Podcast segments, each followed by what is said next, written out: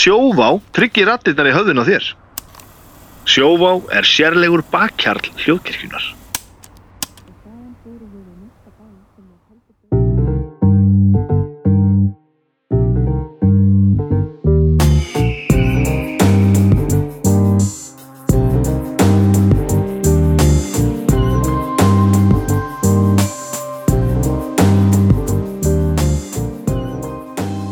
Komið sæl og verið velkomin í bestu blötuna.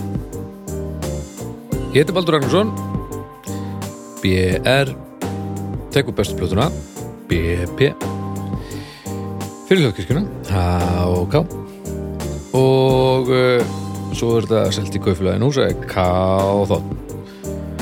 Uh, já, mér er þetta gestir, annars er það hérna, doktor Arnar Eggert, doktor í tónlistafræðum, um,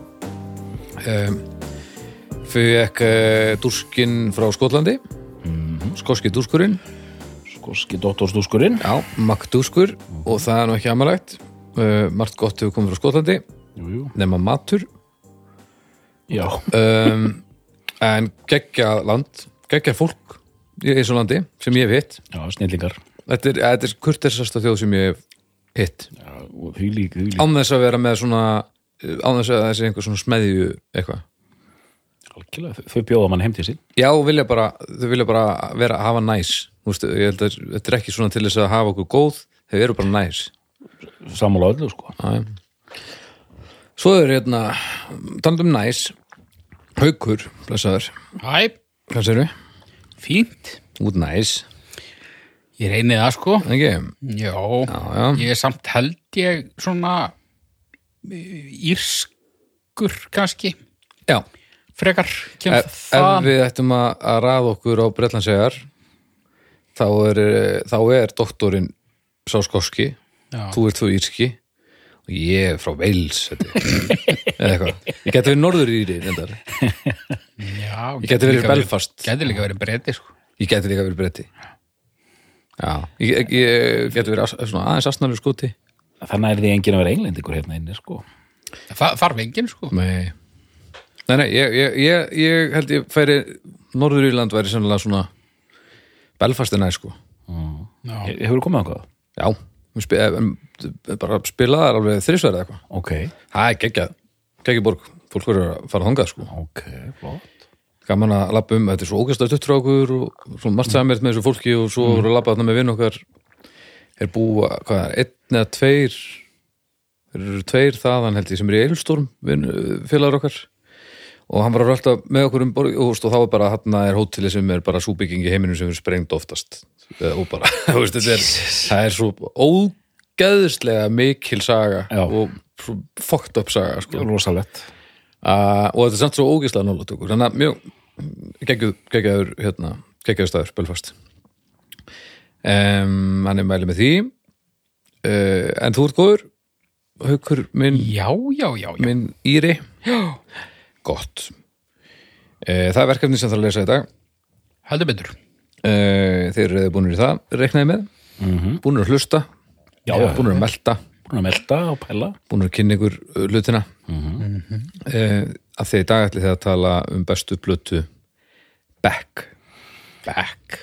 Jöp Já, Já. það er aldrei, sko Já Og hver okkar á að, að segja strax bara uh, hvað tekur í Beck Ég, ég getum var að fara að segja, ég stingu upp á, Glæsilegt. ég stingu upp á brandarabanni. Já, brandara bann, viltu fyrir ekki að gera þannig? Já, ég held það. Já, núna, sko, eftir að, hvað tekur í bekk Já, Já. Já, út af því að það, þetta er svona, En hver, hvernig hérna en hver, úst, af öllum tímabilinum í hans ferli hvernig varstu hrifnastar hann? Ég, úst, fyrsta, annað, eða þriða úst, ég er svona persónulega hrifnastar á fyrsta Beck já. Uh, já, brandarabann, ég, ég stið. Ég held það. Ok, En hérna, já, já. Sko, Þeir eru náttúrulega, þeir eru frjálsir menn, sko. Ég ætla að reyna að halda aftur á mér. já, sko Beck sveif um og hefur sveifið um í skjalinu örgulega bara frá upphafi og það var bara spurning hvenær þetta plasir honum, ég man ekkert hver setti nafnið inn en það kemur í bara, það kemur hlut haugs að velja bestu plötuna hér. Með Beck? Með Beck, já. Já, já, okay. og en ég held að þetta verði einhvers konar sameigileg hérna, sameigilegt tölt held ég sko. Ok, það held ég. Og, og bara ef þetta er þetta ótrúlegt dæmi hérna gaman að vera fjallum Beck og uh, tengist auðvitað alveg bara hardcore í rauninni inn í síðasta þátt. Við erum í 90s tilrauna flippi verið störa þessari vikunar sko. Mm, Já. já. Og byrjar á B. Já, byrja á, B, það er rétt, já. Þannig að hérna Og er líka, næsti stafur líka E. Næsti stafur líka E. Og uh, hefur unnið með reikbræðurum Já, Dust Brothers já. já, já og ímislegt fleira. Ímislegt fleira sem að, sem að Beck hefur brallað Já. Nákvæmlega. Já, sko um, ef að taka ringin hérna bara svona stöðu tekk fyrir undirbúning hvað hérna, endilega. Byrjum á þér, Arnar Ekkert minn. Þetta er náttúrulega X-kynnslóðar bara eh, þetta er bara herra X-kynnslóð Já, ég eh, ég verði auðvitað bara var við hann eins og allir gegnum þetta lag Loser. Uh, Galt varhug við í fyrstum sinn að því þetta var nú gefið út á stóru merki. Jú, jú. Og lagið vinsælt. Þannig að ég var Vinsælt uh, var illa séð á þínu heimili. Mjög illa séð og, og gefið út á Geffen og ég svona hmm. Já. og mér fannst lagið, jú mér fannst þetta mjög sniðugt lag ég var svo sem ekki að fíla það botn og, hérna, og merkilegt nokk, þetta er að plötinni Mellow Gold, hans fyrstu. Og ég var, einmitt því sem segi ekki alveg viss. Og, og það var vinur minn sem lánaði með diskin sem var með svona bara frekar venjulegan tónlistarsmekk þannig séð sko. Sem bara sönnun á því að hérna, ég þurfti að fara yfir til þessa vina míns til að fá Mellow Gold lánaða að því það voru allir á ammaðir að kaupa hana disk út af þessu blessa lagi sko. Síðan bara fylgist ég með honum einmitt bara svona þetta var bara partur af programmet í, í 90-sinu að, að, vera spenntur fyrir nýri backplötu. Já. Já, Mellogóld uh, 94 sko. Já, og, og hérna og þú veist, já, ég svona, fór að fíla hana nokkuð vel, síðan kemur hann ódelei út og þá var ég bara svona, já, þetta er þessi gaur er hann er rosalegur, sko, þessi náungi, sko. Þetta er, Það er þá sem Tóti frændi minn já, eh, sem bjóð þá hún á síslunum uh, og ég var komið sveitina. Mm. og þá lætur hann mig hlusta hann hlustaði mikið á reytsika sem er sínmanni já, og þessi plata, hann sagði bara við þurfum að hlusta, og Sæbrisil þessi plata væri miklu uppáldi í honum. Þannig ég hlusta á ódilegi alveg í drep já. bara 12 ára gamall sko. kekkja, fórstu með hana bara heima hú? Nei, uh, ég man það ekki ég man ekki hvernig, já, ég held ég hafi bara síðan ég kefti það, þú veist, það þurfti bara að kaupa hana. Hann að það var engin ódilei í hú. Sorry, já. Nú er aftur bara þar að vann Æ, wow, þetta var rosalegt. Shit, hvað ég sá það er ekki fyrir. ég var bara að titra. Rosalegt já, já, fimmur titr Úf, úf, úf, úf. mörra titrið já, þú sást færið gast ekki byrð, sko Nei, lí- lí- líka út af því að ég, ég náði að halda honum uh, sko utan við uh, nafnið hans sko. Finnst það mikilvægt En já, hvað segir þú? Já, já, það, það, ég er bara svona alveg ex-kynnslóðar bara dett þarna inn í hann bara á háréttum aldri og mér fannst þetta flott. já. Já, Ég var ekkert brjálaður fann kannski en maður heyrði þetta og þetta, maður, maður heyrði alveg þetta var gott. já, En þú ert trefin, þannig að bara þú ert eitthvað barn að hlusta á ódilei Já. Og, og líkaði þér vel. já, bara, já. Ég, ég, ég, ég, ég uh, hún stórkostlega plata. Uh. og ég hlustaði alveg ógeðislega mikið á hana.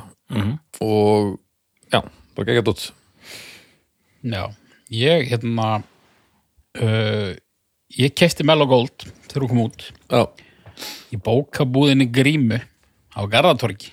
Ok. Það var náttúrulega bara eins og Arnar segir hérna, þá var þetta lúserlag. Það reyður röftum. Jú, jú, og mér þótti það nokkuð skemmtilegt. En það sem eiginlega reyði úrslitum var plötu umslag mér fannst þetta mest töff plötu umslag sem ég hefði nokkuð tíman séð. Mellow Gold? Mellow Gold. Já, bara, já, þetta lag bara helviti gott. Þetta plötu umslag, oh my god. Þannig að ég kefti Mellow Gold er fyndið. meira út af plötu umslaginu. Vá, hvernig líður með það í dag? uh, ég tekkaði hvort það væri jafn flott og Já, fannst það Hvernig fa- fannst það að flott? Mér fannst það öðruvísi flott. Hefur, sem sagt, hefur svona skoðun þín gagvart þessu plötuumslæði svolítið breyst eins og skoðun þín gagvart kúluhattinum já, til dæmis. Já. Ekki alveg eins kúl en en stór partur af en þér þetta er töff umslag samt, sko. Já, já, en, en já, já, já. og síðan auðvitað ég man bara því ég sá plötuðslega síðan á Odelay sem ég finnst bara algjörlega sturl Já, já, það er náttúrulega bara já Það er, það er til dæmis flottara.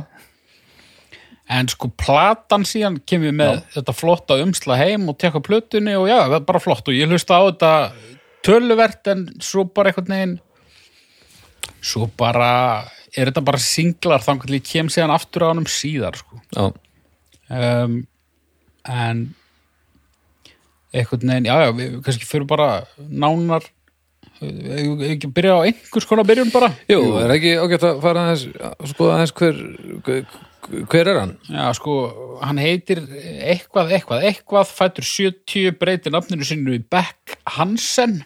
Beck David uh, Born Beck Hétt hann Beck? Já, hann heitir Beck. Hétt hann Beck? Já, Ok, það er ekkert skrítið hann að við breytti Beck David Campbell já. Campbell, já Mammans var einhver, hérna, hún var eitthvað viðriðin Andy Warhol klíkuna.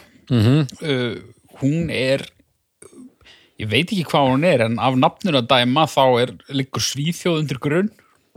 Nei, Norur, Noregur, ok. Norður, já einhver svona lista drotning Nei, veit þið hvað hún heitir?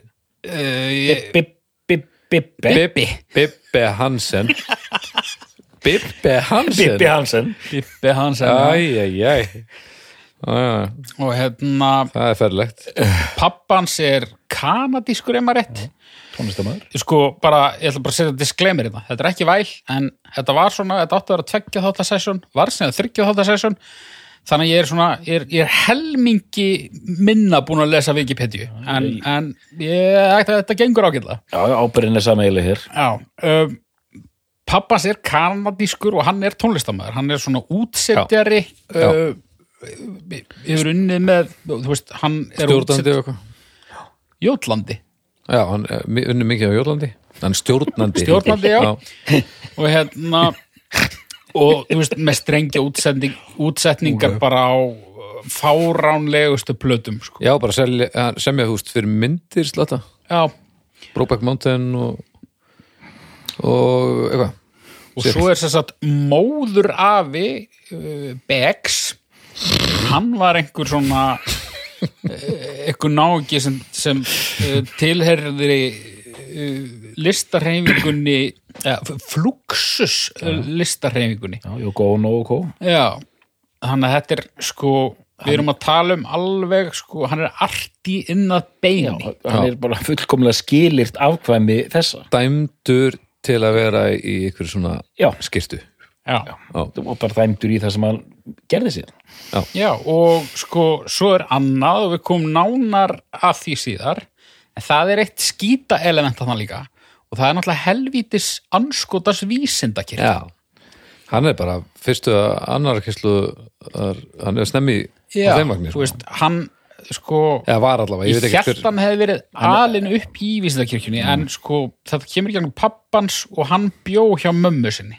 Þannig að hann, er, hann elst ekki upp í vísindakirkjunni mm. en, en hann er þú veist uh, hann er í, í návíi við hana bara frá upphafi sko og er komin út núna um Já, hann, hann segist ekki lengur vera Já.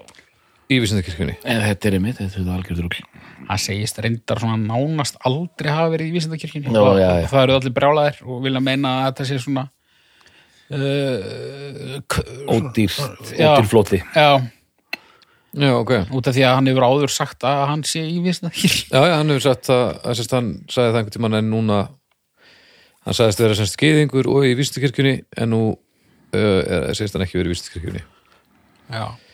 Böggar það ykkur ef að þið eru að njóta listar einhvers sem að er við þinn vísindakirkjuna? Því að það böggar mig. Óverulega. Óverulega sko.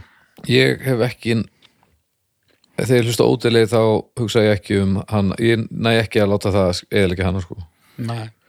en þetta er óþólandi að einhver sé að taka þátt í svona fýblagangi Já, líka sko, mér finnst það og, og hörmungum hreinlega, skilur við líka bara í þessu tilfelli við ég held að hann aldrei verið eitthvað brjálaðislega þú veist, hann hefur ekki verið hérna, Tom Cruise-ast upp um alla veggi. Nei, nei, en ég meina, hann er, En- er, er, er annar kynsluðar Já, en, en líka bara svona listamæður sem að hann er að keira svo mikið á kúlinu sko. mm. Mér finnst þetta hafa svo mikil áhrif á kúlið sem út af því að já. vísindakirkjan er ekki kúl Nei, vísnakirkjan En þú veist, algjört tónlistin verður ekki verri en maður er eitthvað, mér finnst það svona hann verður, hann verður meiri auðli Já, Já, já, mér finnst það svolítið alveg. leðilegt sko. En þú veist fuck it, svona er það bara bara uh, og Hann- svo má líka ekki gleyma því að það sem vísindakirkjan uh, uh, hún, hún gengur út á það að vera snjöll í að hanga fólk á okkur hlutum og halda þeim inn í þessu. Já, já, og hann, þó hann sé svalur með gítar þá því er ekki að hann sé ekki mannlegur eins og við hinn sko. Sérstaklega ef hann er dregin svona ógeðsla snemmin í þetta og af fóröldurum, það getur flekt þetta held ég helviti mikið. Já, já, ég meina þú veist, ef að, ef að sko það eru það er listafólk þannig úti sem að ég hef fílað Já. sem að ég mun aldrei hafa áhuga að gera þætti um út af einhverju sem þau gerðu. Já, já, já, en við erum að gera þetta þáttum back Já, já. skilur, minnst þetta er ekki, við erum ekki alveg þetta, þetta er svona mænor uh, pyrringur bara. Já. uh, en já, hann er Kaliforníu fættur já, já, býr bara í Los Angeles bara downtown LA já, fóraldrarnir skilja þegar hann er tíu ára búm uh, og ég held að hann væri kannski svona, þú veist, í ykkur svona efri miðstjættar lista manna dæmi, en það er ekki. Hann elst upp Nefnilega ekki, sko. hann er, hann er, þetta er fátæklingur sko, já, það er svona, svona bast já, já, já, það er basl. Og hérna og þannig, já, það er hann tíu ára og hérna og hann, þú veist, flækist að mynda ykkur á skóla og er einhverju skóla sem eru engöngu hérna Mexikóar með honum og svo framvis og svona en svona já, hann er í svona latin hverfi þannig eitthvað starf ok. Það, en það er svona tvær ástir sem byrja og einkenna dálítið feril hans framan á sem tónlistamanns er Ok. að hann, hann fer að hlusta dálítið mikið á svona gamlan blues svona amerískan delta blues og hérna gamlan svona þjóðlaga blues. Ok, og síðan svona dettur hann inn í að því hann er á háréttum aldri 87-88 hip-hop. Og þeir auðvitað bara blanda því saman eins og heyrist til dæmis bara mjög stert á Mellow Gold. Og en þarna byrjar hann verður svona hluti af svona þessum kassettu útgáfu kultúr mm.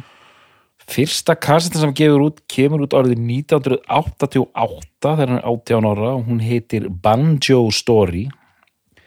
Og hún er tiltölulega eðlileg af því að þetta er bara hann að glamra einhver, einhvern fólkblús sko. Ok. Síðan gerist það kannski ári síðar þú fórst dýpra en ég sko. já, já, ég hérna síðan gerist það kannski ári síðar 89-90 þá fer hann til New York í einn vetur sem var bara umulegt, hann var heimilislaus heilan vetur Mm. og en þar tengist hann ákveðni senu sem hefur verið kallað svona anti-folk senan Moldy Pizzas er frægasta bandið úr þessari senu ég veit ekkert Nei. hvað það er kannast þið við það? ég þekki nafnið bara, Já. ég veit samt ekkert hvað það er og það er estetíkin eða fagurfræðin er öll í svona brendum geisladiskum uh, ógeðslega ljótt innan gæsalappa, cover illa tekið upp illa spilað surg allan tíman á kassettunni og hérna og svona einhvers konar andstaða við það sem er vel gert, þetta er svona svona pæling sko. og Ná, hérna þetta er bara, bara black metal. Ógeðslega pródúserað uh, dæmi, eða þú veist. Já, þetta er bara, já, þetta er bara þetta er bara eins og black metal Já. e, svona fókusur það mikið á að gera hlutina ákveðið illa að þetta verður heimsins mesta pós Já, sem er síðan hægt að hafa ógæslega gaman af. Já. þegar að menn er ekki að drepa hvernig já, já, að, já, allavega, og það er þetta dæmi og þessi afstafa þetta er gert svona og þetta er hrisingslegt og þetta er rátt og þetta er anything goes hérna dæmi. Og hann tekur þetta svona í rasvarsalum með sér frá New York og hérna og heldur áfram á þessum árum cirka 88 til 93 koma út svona skilur kassettur sem eru að seljast núna á miljón eða eitthvað sko Já, og hérna okay. sagt, gefið út í mjög svona takmörg upplægi og, og, og þú veist, þú sérð að þetta er bara bass kassetta keft út í sjoppu og hérna Mhm. krótað á hana, back og eitthvað svona og hérna eins og batn hafi krótað á sko Mhm. og uh, en ég hérna ég var með, hérna og ég sem sagt fer svona svolítið aftur á bak og sé það, það er heil, heil, heilmikið eftir hann á þessum árum. Sendi á hérna verða að segja, þetta er gamansaga hugur, hérna, sendi á hann haug við þurfum að hafa þetta í huga hérna, áður en Mellow Gold kom út þá er nú ímislegt í gangi þarna í ne- neðan eðar og hérna og það vissi ég en ég vissi ekki hvernig það ljómaði okay. það er alveg að reynu og, og hérna, en ég var ekkert að hlusta mikið á þetta, ég reyndi þess aðeins í dag sko, en hérna, það kemur út plata árið 1993, kassetta sem heitir Golden Feelings Okay. og hérna, og ég bendi nú auki á þetta og sendi hún líka hlekk þar sem eru ykkur 12 kassettur búið að búa til svona YouTube hlekk af einhverjum ofur aðdánda ok, búið að hérna, renna öllum kassettunum inn. Golden feelings, eða það? Golden Feelings, já, kemur út 93 á kassettu. Já, og síðan er þetta pressað aftur. Já, þetta er allavega ekki kassetu umslag sem við séð þetta Nei, nei, einmitt, þetta er svona, svona venjulegt umslag sko. og hérna, Vá, þú veit þetta fyndi umslag, þetta er svona eins og eins og uh, prúðuleikararnir og Bellin Sebastian hefði ekki saman plötu. Já, já, og þetta er og þannig er þetta, og þetta er ákveðin svona hérna, og þetta er bara þessi, þessi, þessi sena, þessi græsrótar sena og þú veist, hérna hluti gerði við Ríran Kost. Og nú er þetta búið að færast yfir á bandkamp hérna, til að henda einhverju út á ódýran hátt. Mm. ég bendi ekki á það og síðan þetta þessi mynd- Gold, Golden, og þessi platan Golden Feelings og ég er að hlusta á þetta mm og þeir sem hafa hlusta á þáttin og þið tveir, ég er svona indie neðanjarðar gaur og eh, þú veist, hef mjög gaman af svona noisi og, og, og hlutum sem eru illagerðir og ráir og la la la la la. Mm. kemur, kemur ekki hérna messengerskeiti frá haug og það sem stendur? Þetta Golden og ég held að að segja Golden AIDS hann að opnunarlægi á já, sem er ógeðslega svona fallegt hérna kammer strengilag og ég, ég las fyrst djúvill er þetta Golden AIDS ömurlegt drastl og ég var bara svona en síðan bara las ég áttur þá stendur hérna, hérna djúvill er þetta hrikalegt þetta Golden Feelings. Herru, ekki nóg með það.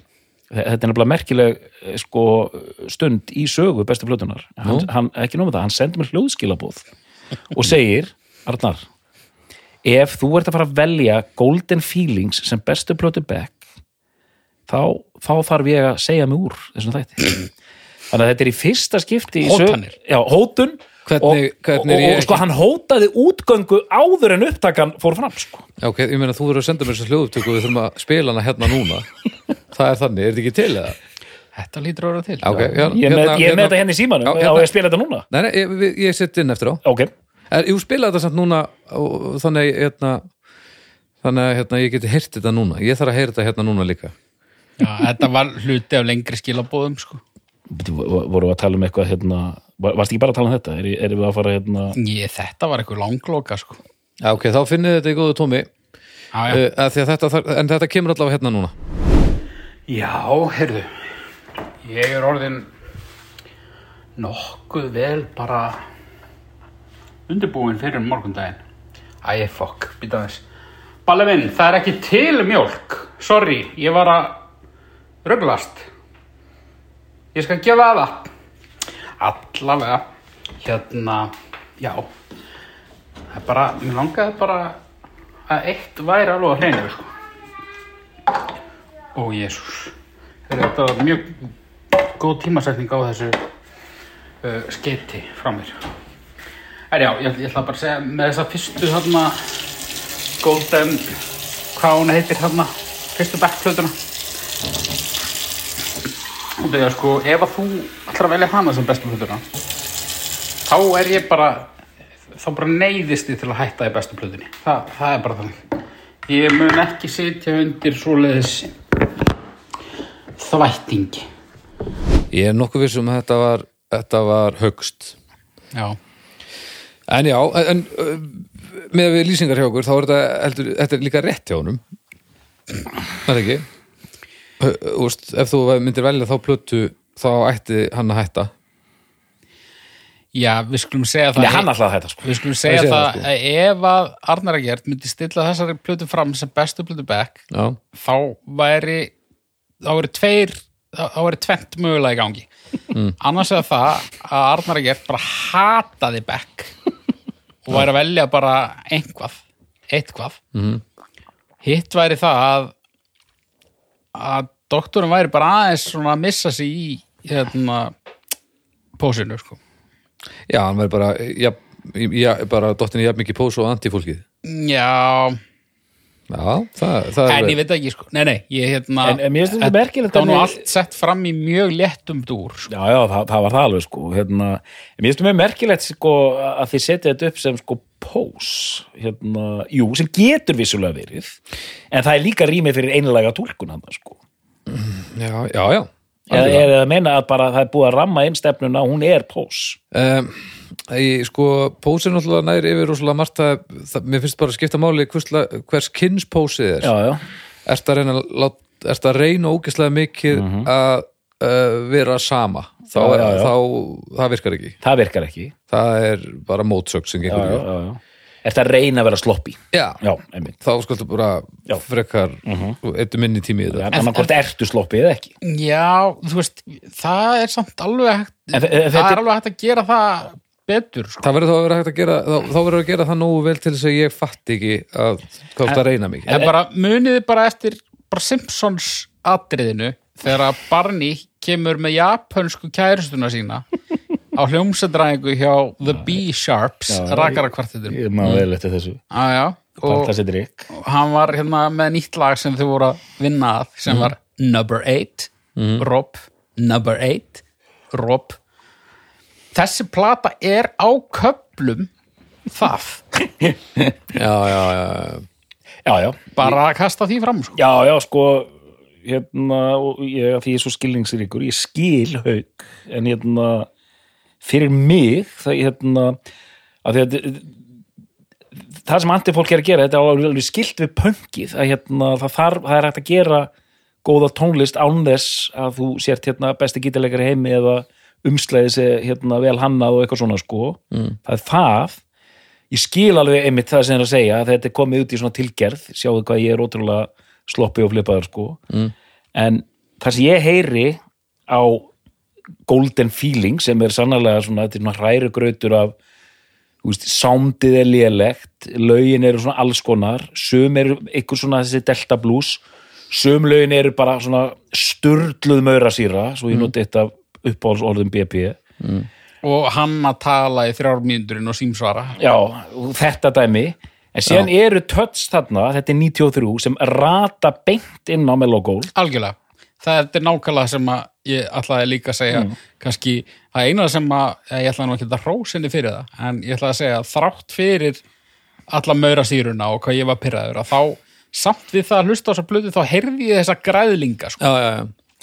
Þetta er náttúrulega bara árið áður, sko, sem hún kemur út. sem áraður En, veist, er, en þetta er, þú, þú heyrir svona punk tendensa, þetta er bara að prófa að gera nýja hluti og vera fokk í liði og, já, og ég og ef ef hann hefði fæðist í hann geta enda bara í black metali. já, já. já, Já, sko það er þessu viljum, back in black. Nei, en líka það sem þú segir Baldur ég, en ég heyri á þessar blötu, ég heyri í honum Þú heyrir hún, já, já, þú heyrir grunninn að því sem hann var að fara að gera. Já, ég heyri, já ok, það er þessi gaur er með eitthvað. Já, þó þetta séu bara eitthvað svona basic blueslög, það er framsetningin, það er hvernig hann gerir þetta það er svona að vera fýblast með rattir, hann er að syngja asnalega og svona, allt fer þetta inn á, inn á Mellow Gold sem gerði Mellow Gold svo ótrúlega örgulega einn furðulegasta svona mainstream meginströmsplata sem út hefur komið sko. skilja Þannig að sko, en, en, það, er, það, var, það var eitt lag á hann Golden Feeling sem, sem, sem haugur er harkalega vísi, það er eitthvað special people, hann segir bara special people lag hérna í fimm mínútur. Ó, það er reynda- er reynda bara 1.42 en, en það kannski Já, það hljómaði svo fimm mínútur. Þetta er svona eins og þetta er svona þegar maður opnar síman og, og hittin út er veist, 2 gráður feels like mínus 20 Þetta var algjörlega þannig sko það var nákvæmlega þannig sko. Já, og, og meiri segja ég var þreyttur Þannig að hérna já, já. Og þú veist, þetta er náttúrulega ekki á Spotify þannig að ég gæti ekki gert eitthvað sk- skip. Ég var bara einhverju full album upload drastlega á YouTube og bara alveg að fara að kála mér. Hlustaður ekki á kastunum sem er einn og hálfur klukkutíma honum og ykkur vinkonans að djamma í partí? Nei, og ég meiri sér að gera það sko að ég, hérna, önnur innan gæslapa platan hans sem kemur út þarna rétt og undan Mellow Gold þarna, stereopathetic soul manure já, það er plata sem ég hafði einu sinni tekkað á fyrir langa, langa löngu og myndi ekkert hvernig var. Ég tekkaði mm. hana aftur og ég var svona, já, ok, þetta er ekki alveg absúrt en förum í Mellow Gold. Þannig að ég er svona Já, já. ég, þú veist, ég kláraði Golden Feelings tók þessa bara intro á nokkrum lögum og, og byrjaði síðan bara í mello. Þú hlustaði semst á alla Golden Feelings Já, meir og minna sko. Ég var með hann í eyrunum. Ég var svona mis mikið með aðteglin á henni. Ok. E, Já, en, en eigum við sko árið er 93 og Já, og, og það er ímislegt að fara í gang. Já, já og þú veist, ef maður kynnir sér sögu hans sem performers að þá er alveg hægt að hrífast af ymsu sem hann er að gera. Þú veist, hann er að tala um það að hann fór að gera alls konar skrítna hlut út því hann var að spila bara á einhverjum kaffihúsum og það var enginn að hlusta á hann. Mm. þannig að hann byrja bara viljandi að gera ykkur asnalega rattir eða segja ykkur bara random setningar sem meika ekkert sens bara til að reyna að þú veist fá aðtigli fólks á það sem er að gerast. Já, og þú veist hann er að spila í einhverjum neðanérðalestum og eitthvað, veist, þetta ég er alveg að kaupa þetta sko, þetta, þetta er meira svona afurðin sem ég líka ekki. En hérna, en hann er svona nánast bara böska. Já, já, og þú veist það er ekkert pós sko, það er bara eitthvað sem fólk gerir. Já. en hérna síðan uh, er hún að benda á eitthvað náunga þarna 93 eða 4 það er eitthvað náungi hérna, þú ert svo að þessu hip-hop hérna, þetta er eitthvað svona taktasmiður hann hérna, er að fíla það sem þú ert að gera og langar að vinna með þér og ég held að þú ættir að tekka á hann og hann tekkar á sem gaur og, og, og þeir sagt ná vel saman og taka upp Mellow Gold sko. Hún er eiginlega bara tekin upp ég veit ekki hvort hún er tekin upp að öllu leiti en hún er að einhver leiti tekin upp bara í eldúsinu hjá sem gæja. Ok. Og hann var að tala um það til dæmis bara eins og vokaltakan í Loser þú veist, hann tekur hana og kærast að þessa náunga er að býða eftir að þeir klári þannig að hún geti elda við, þetta var bara svona. Já, já. og úr þessu sessioni, neða, þetta er nú líklegast ekki öll Mellogold, en, en allavega sko Loser er tekið upp í þessu sessioni og hann eða setur það bara til hliðar. Já, ok. Heldur áfram í einhverju mörasýru og svo líður einhver tími engin ár eða eitthvað þannig. En það líður einhver smá tími þangað til að, að hann pekar það upp aftur og það fer hann inn á Mellow Gold. Já, þetta En tekið, tekið upp 92-93 og, og hún kemur út í byrjun 1. mars 94 þannig að Já, það líkur ekkert brjálarslega lengi. og Loser fer, þú veist, hennan college radio rúnt. Já. hún, hún er pressuð á tóltómu ok. Þannig að hún, þetta er svona þetta er svona típist sem maður hefur oft heyrt svona eitthvað sem verður óvart vinsælt sko.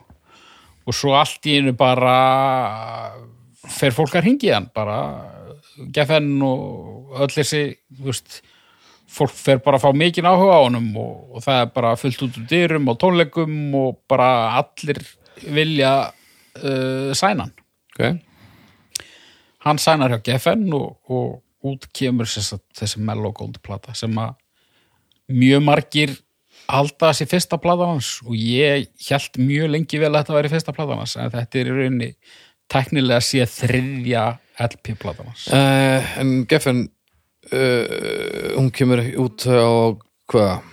Á Geffen, Já, og gefur uh, eða, eða þeir dreifðin eða ja, eitthvað. DGC Records já, sem er David David Geffen. Geffen já, já, já. Já, um, David Geffen Records. Og hérna og, og, og, og sko hvað er það að segja sniðut takk fyrir þetta. Já, veitu, hvernig kemur þetta, Mellow Gold. Hérna, hún kemur 94, 94, já. og þetta verður náttúrulega bara algjört skrimsli, sérstaklega þetta lag sko. og mjög fljótlega og meiri segi ég, 14 ára m- mig langar að segja að í minningunni hafi ég haft svona pínu á tilfinningunni að þetta væri svona ég, ég, ég, kunni ekki einu svona orð yfir það á þeim tíma en svona one hit wonder, þú veist. Þetta Já. er svona smá novelty þefur af þessu lagi. Og svo bara heyrir maður þessa plötu og það er einhvern veginn þessi platan er ekkert alveg að sannfæra mann um annað. Þetta er svona áberandi áberandi hittari á mjög svona þetta er hræri grautur þessi plata sko. já, það er, það er mörg fín lög á henni en þetta er svona augljósi hittarinn. Mhm. þannig að ef að hann hefði endað sem One Hit Wonder þá held ég að fáir hefði orðið hissa. Já, ok. Og líka sko þegar þessi plata kemur út hann gerir einhvern sko tímamóta samning við Geffen með mjög miklu frálsræði handa sér. Já, þannig að sko hún kemur hann að Pathetic Soulmanjur hann kom hún ekki á undan já bara nokkrum já. eða vikum undan á bara einhverju litlu merki 22. februar já, og uh, hinn kemur, hvað sagði, 1. mars já og sko þannig að hann sko þetta var alveg óheyrt að fyrst smá hérna samhengi að ég meina Nirvana er búin að gefa út Nevermind 91, Björk er búin að gefa út Debut 93 þannig að þegar Mellow Gold kemur út þá eru allir stemdir fyrir furðulegri músík já. í Daytime Radio. Já, og hann er í rauninni Björk og Beck eru lang besta dæmið um þú veist, í rauninni bara frekar ekstrím tónlist samt gefið út af risastór útgáfi fyrirtæki og Mellow Gold selst þarna í, í miljón eintökum og sér sérstaklega út af Loser sko en þú heyrir hann að Loser er fyrsta lagið hérna á plötinni og svona, það er eins og það er. En síðan heyrir þú strax, strax næsta lag á eftir er svona country ballaða sko.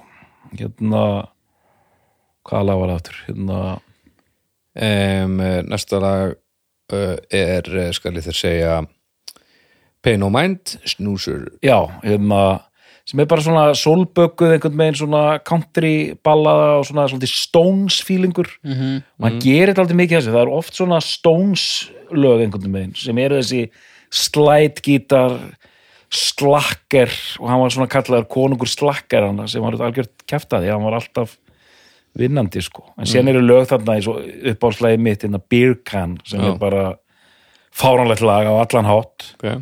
Það var svona hittlægi sem var svona semi-hittari. Mikið bölvað sko alltaf motherfucker og eitthvað svona sko. Mm. og síðan eru bara svona pjúra noise lög þarna, það er þetta motherfucker lagið.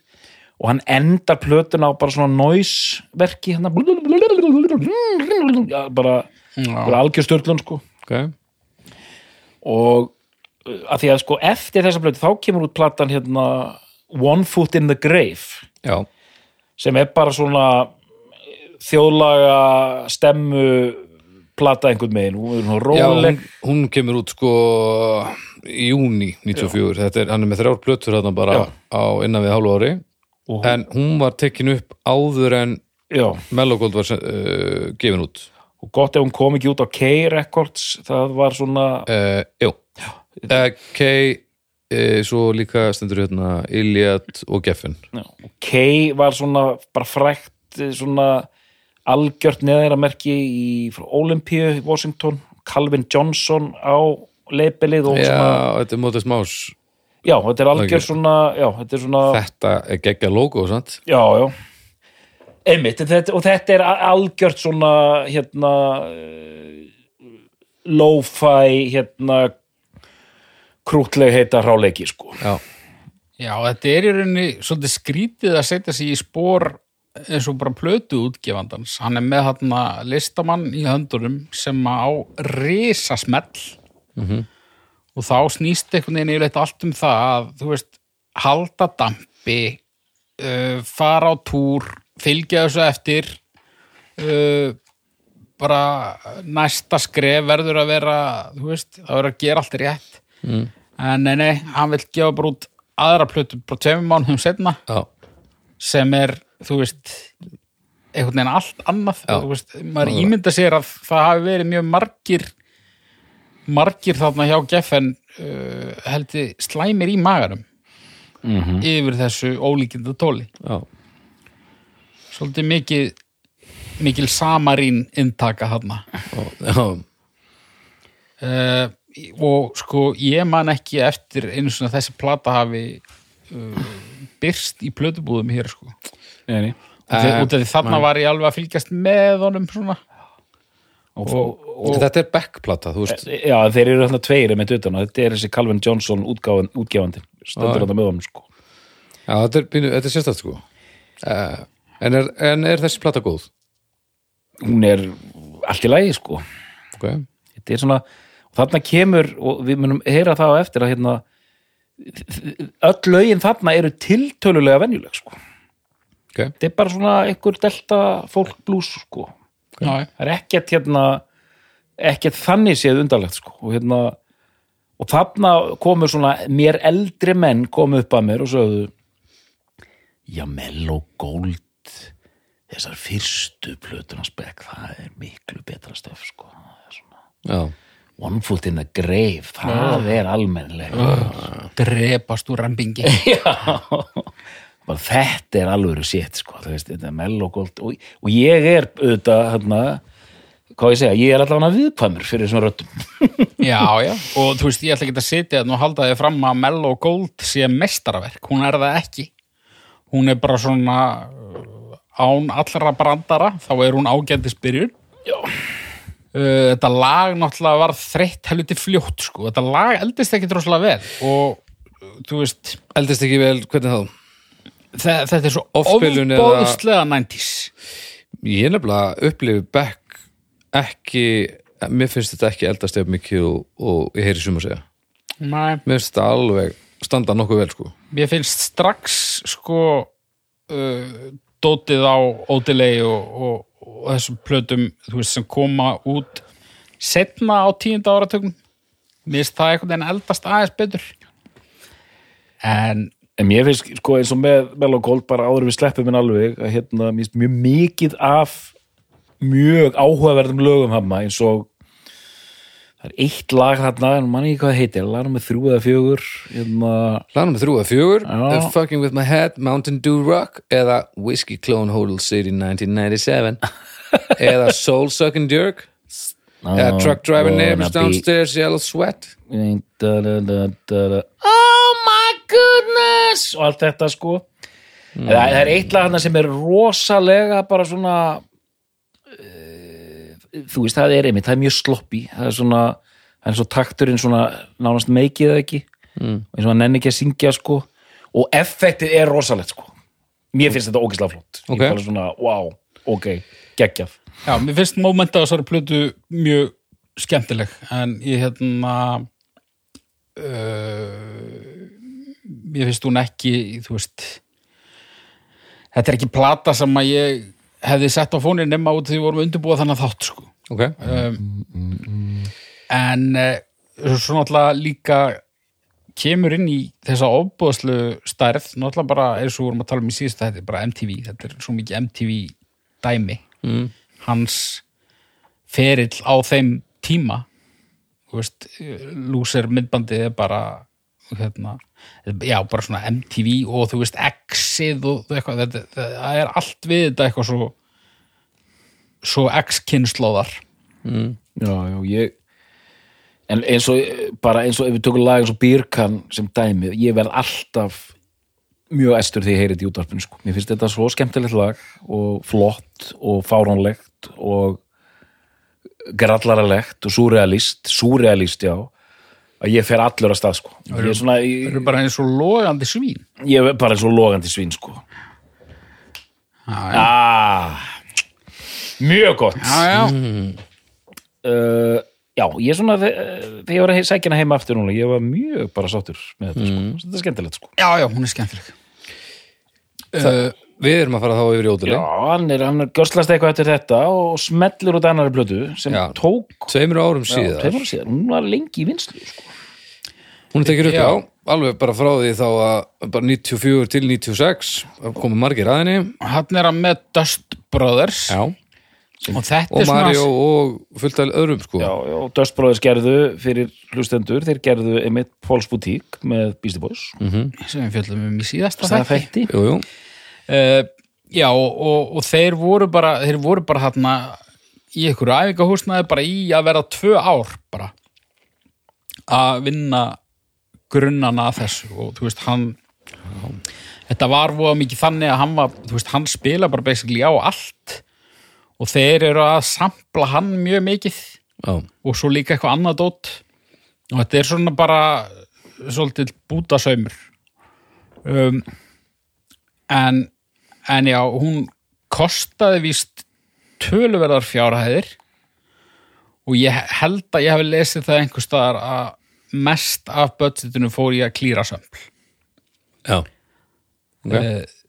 öfugt við eins og Póls Boutique þar sem að það var ekki beðið um leifi fyrir neinu en Nei, það, þannig er náttúrulega uh, komnar aðeins eða töluvert strángari Já, reglur um, um orðin meðvitund um að þetta sé kannski eh, ekki, það sé ekki gefið þetta megi. Með, sem uh, breytir ansið miklu. Ódilei, hvað segir um hana? hún er alveg bara geggjuð. Hérna bara hvernig hún byrjar. Með þessu háfaða gítarsampl dæmið að maður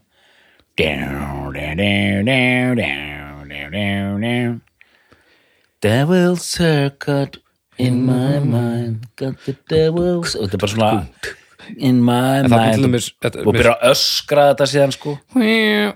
Þú veist, mér finnst hérna, sándið á þessu til dæmis þetta er 90s -hmm. en þetta sándar drullu vel sko. Já, já, já, og meira sól og funk einhvern meginn sko. Svona kannski ekki funk sól segjum það sko. Svona, og hún er svolítið hún er tilluð á köplum Já. það er svona yfirvegun það er ekkert verið að þetta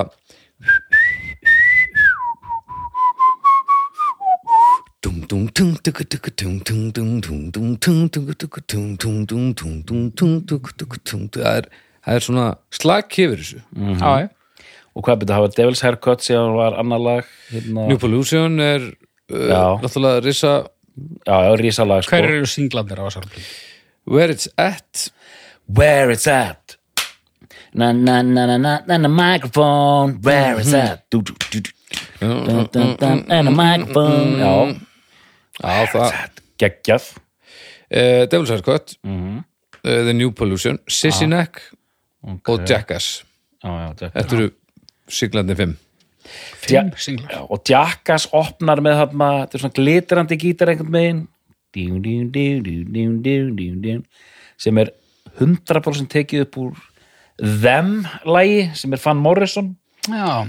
Hmm. og bara algjörlega þetta er svo gróf sömpl, þetta er bara Já. þetta er bara lægið hérna, með Van Morrison sko. um. og sen er bara, er það lúpað þarna út sko mm hvað við sem lögum byrjar á þarna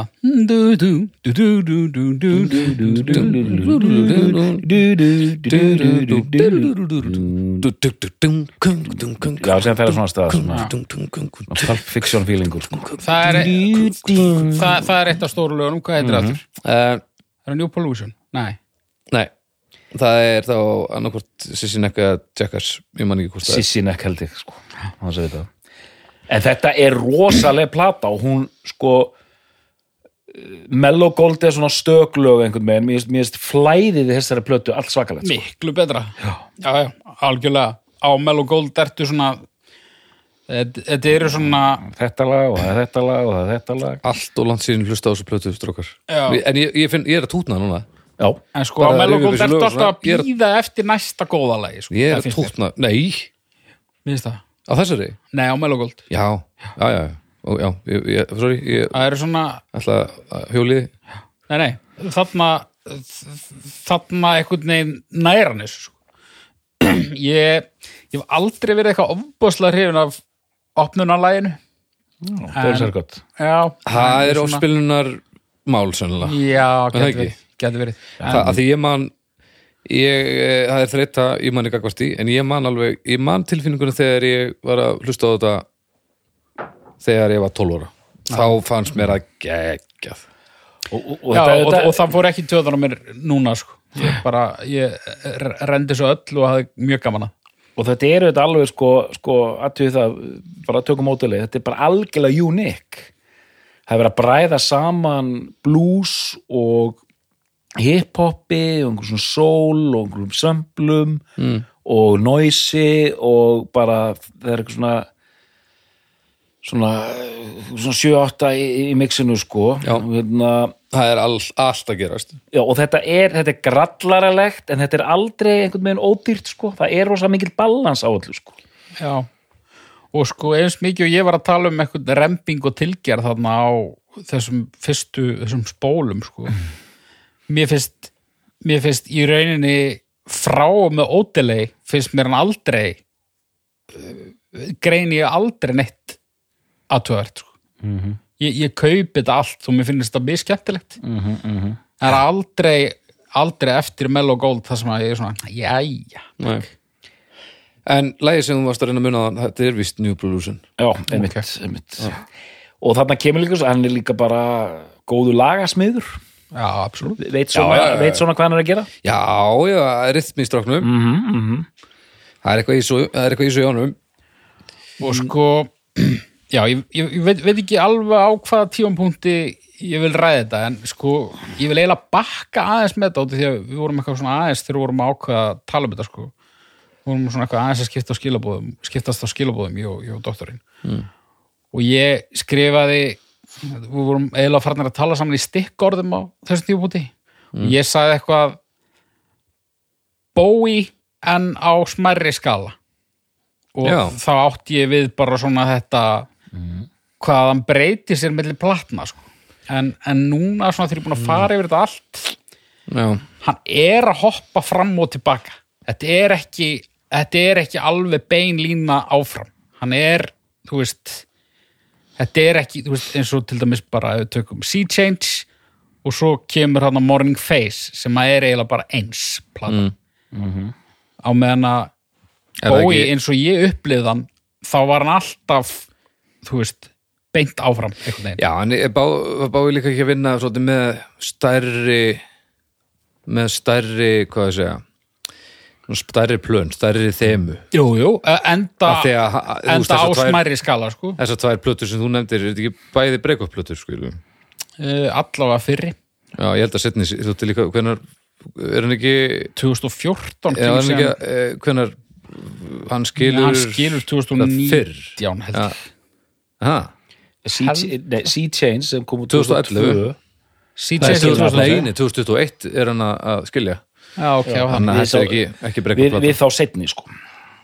Ah, ok, en Sea Change var break-up plata sko. já, já ég, ég vissi það sko. ég vissi ég, það líka. ég vissi bara Morning Face væri mjög áþekk sko. en, en mín í báfi er alveg sko við erum alveg rammanum þar og bara út frá sko, fjölbreytninni sko. Já, en, en, en svona þegar ég tók þetta allt bara svona í tímalínu þá finnst mér þær ekki alveg að svona ólíkar og mér fannst þær mm.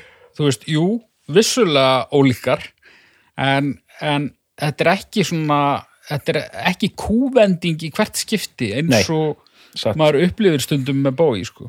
alls ekki en hérna en nú kannski þyrfti ég bara að þekkja aðeins bói aðeins svona vera með dýpri þekkingu á honum til að kasta ykkur svona fram sko. mm.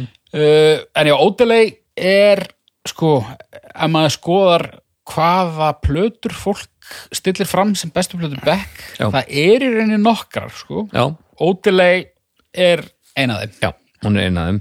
Mér finnst engin ein svona oftast nefnd. Nei.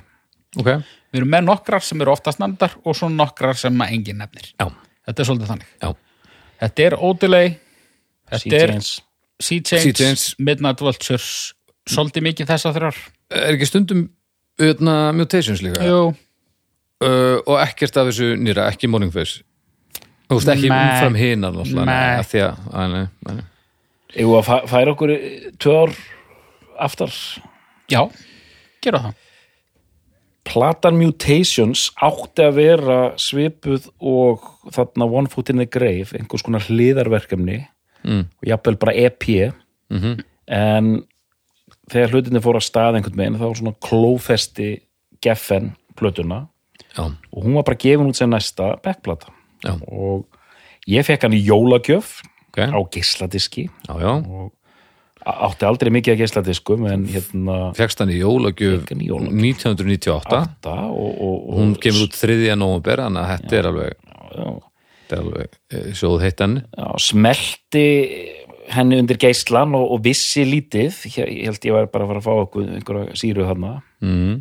þá bara er okkar maður í svona dillanískum stellingum Mm. og platan er svona rökkur bundin svona róleg ballöðu plata einhvern veginn með rosa góðu fíli sko. þetta er, mér þykir mjög vænt um þessa plötu einhvern veginn, mér finnst hún góð og hérna, mér finnst umslægilega svolítið hérna, undirstreka innihaldið þetta er eitthvað svona Mm. það er svona grá stemningan yfir hvað finnst ykkur? já, bara sammála, góð Já. plata hann svona, þú veist Venjuleg plata, já, Venjulegri hann, geng, já, venjulegri hann, geng, hann fer ekki alveg alla leið eins og gerir síðar í, í þessu akústíska Fólk elementið svona ofurhæga fólkpoppi Já. en, en klárlega og maður heyri það að hann er aðeins slagi Mhm. uh, hvað er það, 98 segir mm. 98, já. Þá voru nú einhverjir einhver lög þarna sem að No. nutu hilli. Já, Nobody's Fault But Mine. Nobody's fault but my own, já, Já. er þriði singull, fyrst er Tropicalia og annar er Cold Brains. Já. Cold Brains er einmitt opnunarleið. Tropicalia Já, er leiðilegasta lag back finnst mér af, þú veist, ef við tökum bara major label stóru plötu Hvernig var það þáttur?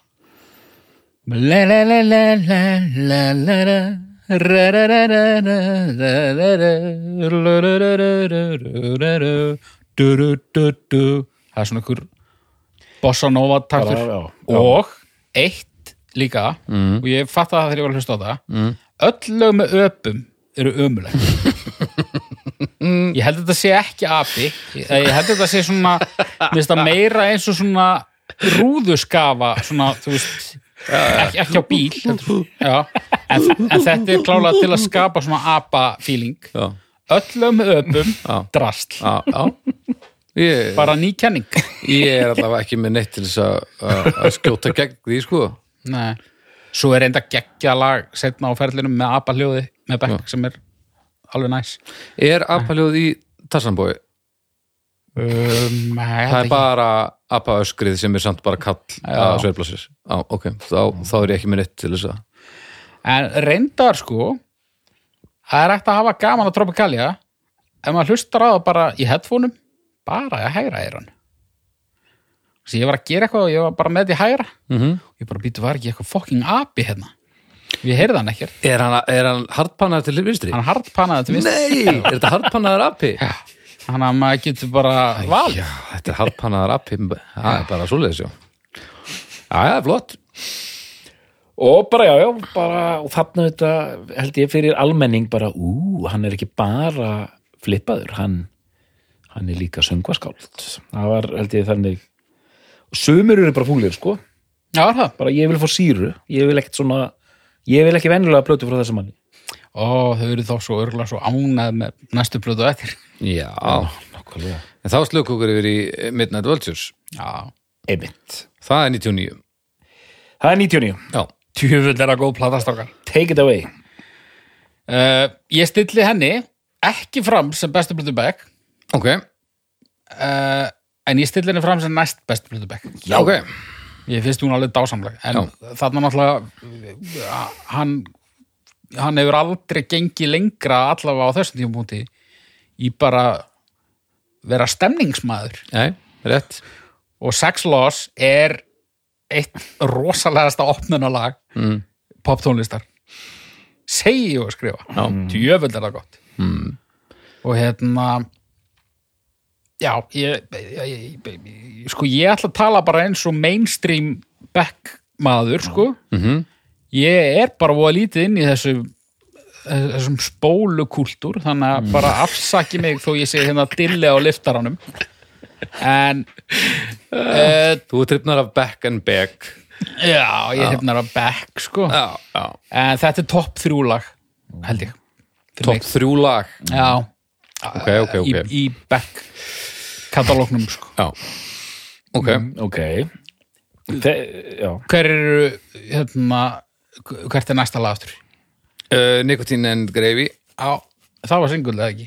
Uh, Jú Sex Loss er fyrsti singull Svo Mixed Bu- Business Og svo Nicotine and Gravy. Já, var getið viðbútið það uh, Svo uh, Þetta eru singlandir sem eru uh, sem eru listaðirinn upp en svo eru líka hérna hlekkir á já, Debra og svo Broken Train.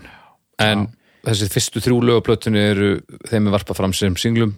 Ég veit ekki hvað Broken Train er er það, það já, ætla en minnst líka bara svo bara einhver sem finnst það skemmtilegt hefur nefnt að búið til Wikipedia síðu fyrir það lag örugglega.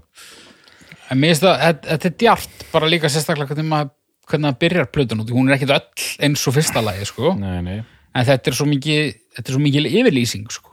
Bara hann er mættur bara nánast í Vegas gallanum mm. Nú held ég að hafa aldrei sér myndbandi við þetta lag en ég ætla bara að gera ráð fyrir því að þar sé hann í Vegas gallanum Ég man sko, ég var að vinna í Apis þegar platan kom út og hérna mér fannst, fyrsta sér tók þetta mér finnst umslæðið svo hræðilega ljótt. Það er ríkaleg og, hræði, og þessin er það svo hræðilega flott. Það er rosalega sérstætt Það er það. Maður- ég veit ekki alveg. Bara, Mér langar ógæslega að vita hvert ferðalagi var að þessari niðurstu og þá hvort einhver hafi sagt bara, hann er þetta já Nú, ekki, ekki, breyt, ekki breyta reynu og þú fullt af einhverjum svona skrifstofu fólki á geffen er eitthvað með magasár sko, út af þessu manni sko. Já.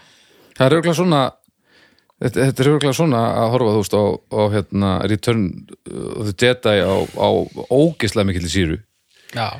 og mér, mér fannst þetta ógeðslega flott svona konsept, þú veist, bara Prince Funk þarna á miljón en ég komst aldrei alveg inn í þessa plötu sko. Ég gerði það í rauninni ekki heldur á sínum tíma sko. Ég náttúrulega þekkti singlana mm. Ég hlusta á hana ekkert tímann þegar hún kom en hérna en svo núna þegar við vorum að fara yfir þetta þá bara, mér fannst hún bara steinleikja sko. mm. en ég ætla, ekki að, ég ætla ekki að sitja hér og, og láta eins og ég þekki á henni hvern krók og kim Nei, en sko, ef ykkur vantar sko, ef þið hlustið ekki á neitt nema back og vantar ryggsuguplutu já, og ykkur hlutu vegna þekkið ekki einn af hans vinsælustu plötum. Þá er hún fundin hér sko. já, það verður allt tandur reynd Já, þetta er hans. Þetta er ryggsuguplutan Já, já, algjörlega. En þarna líka sko bara það sem ég finnst líka svo skemmtilegt þarna að hann einhvern veginn ef við tökum, ef við tökum bara þessar sko, ég vil eiginlega bara tala eh, út frá þessum eh, sem hérna, Dúti Leifupúl þekkir sko. Mhm. og þar alveg ég að einhverju marki? Að einhverju marki, að miklu marki sko. Uh, hann þú veist, það kemur ný plata. Þú færð aldrei það sem þú átt vona á eða það sem þú vilt en það sem þú færð er alltaf heldur gott. Já, og þú ert heldur sáttur við það Algjörlega. Já, og, veist, og ef þú ert allavega, ef þú ert, al, þú ert alveg ósáttur þá er það ekki eftir þetta er lélegt Nei, þá er það ekki honum að kenna það er ekki honum að kenna, af því að hann er gera þetta heldur vel sko. Já, og mér finnst þetta í rauninni eh, sko ekki bara þessar, heldur bara þetta eiginlega bara nánast það er kannski ekki fyrir bara að hann verður algjörlega irrelevant síðustu tíu ár sem að þú veist, ég hafði til dæmis ekki heyrt þessar síðustu tvær plötur allavega mm. það sem maður er svona eh, eh. Mm en sko fram að því þá er hann veginn það voða svona erfitt einhvern veginn að vita hvað maður hefur hann. Já. Uh, Hvað viltu, staldar lengur við mynda þetta? Nei, Nei, þá, þá fyrir við í Change Sítjens og enn eina ferðina. Change Já. Uh, uh, Ástarsorg. Ástasorg og hann fer ekki lengt með það. Nei og þetta er sko þetta er glæsileg plata já ég, Hún er rosalega góð sko. ég tefli Mjög henni góð. fram Þú sko. ert með hana, mig, mig grunaði það nú þú ert að tefla fram sér bestu já, já ég fór samt helviti seint á þann vagn sko. Já, ég hérna þetta, Já. þetta var svona plata sem var alltaf einhvern veginn mallandi í kringum mig Mm. og ég var ekki, ekkert alveg að kaupa þetta sko en þetta er líka ekki plata sem kaupir ef hún er bara mallandi í kringu þig sko. það er ekki fyrir þú situr einn á síðkvöldi og veltir fyrir þér e, tilgangi lífsins tilgangi lífsins og, og hérna, grimd hans sem að þú svona meðtekur hana almennilega wow. alltaf í mínum tilfelli ég, ég, ég þurfti var þetta út á vegnum músinni og... nei, ég, ég, ég þurfti bara næði með henni sko. Ok, ok og, og segðu okkur og hvernig rúlar hún? Hún rúla bara náttúrulega, hún er náttúrulega bara uh, hún, hún ekki er hún fjölbreytt. Við byrjum þar. já. Nei, en hún, hún það er bara mjög afmarkaður stemmari með örfámyndatekningum mhm. Kammer, fíl já og svona grandör er drungi yfir þessu já, geðveiki strengir Rosalega mikill bara drungi. Já, það er papp, já. pappi með, með strengisveitna pappi með strengina sko. Löðrandi strengi Já, já, uh, en hún er samt ekki svona mér finnst hún vera svona sko ég hef ekki hlustað á þessa plötu í ástarsorg sko. Ég, en, en en ég, einhverjum svona blues? Ég er ekkert einu svona vissin að mér finnst það meira bara svona Það er veist uh, haust og þú reykir og ferð út í eina og það er uh, rigning. Og þetta er svona Já, kannski fyrir kannski fyrir hildarstemmarinn á plötunni. En eins og, þú veist ég, ég, ég er að fara að dúta þetta eins langt og hægt er að dúta Mhm. uh, Liverpoolið, sko. Já, já, en, en, en Lost Cause er til dæmis bara ótrúlega lag Já. það er ekki að fara reykjalag, sko. Það, þar eru við með, með alvöru blues alveg. En þetta er samt ekki hérna, þú ert að, að uh, binda snöru dæmi sko.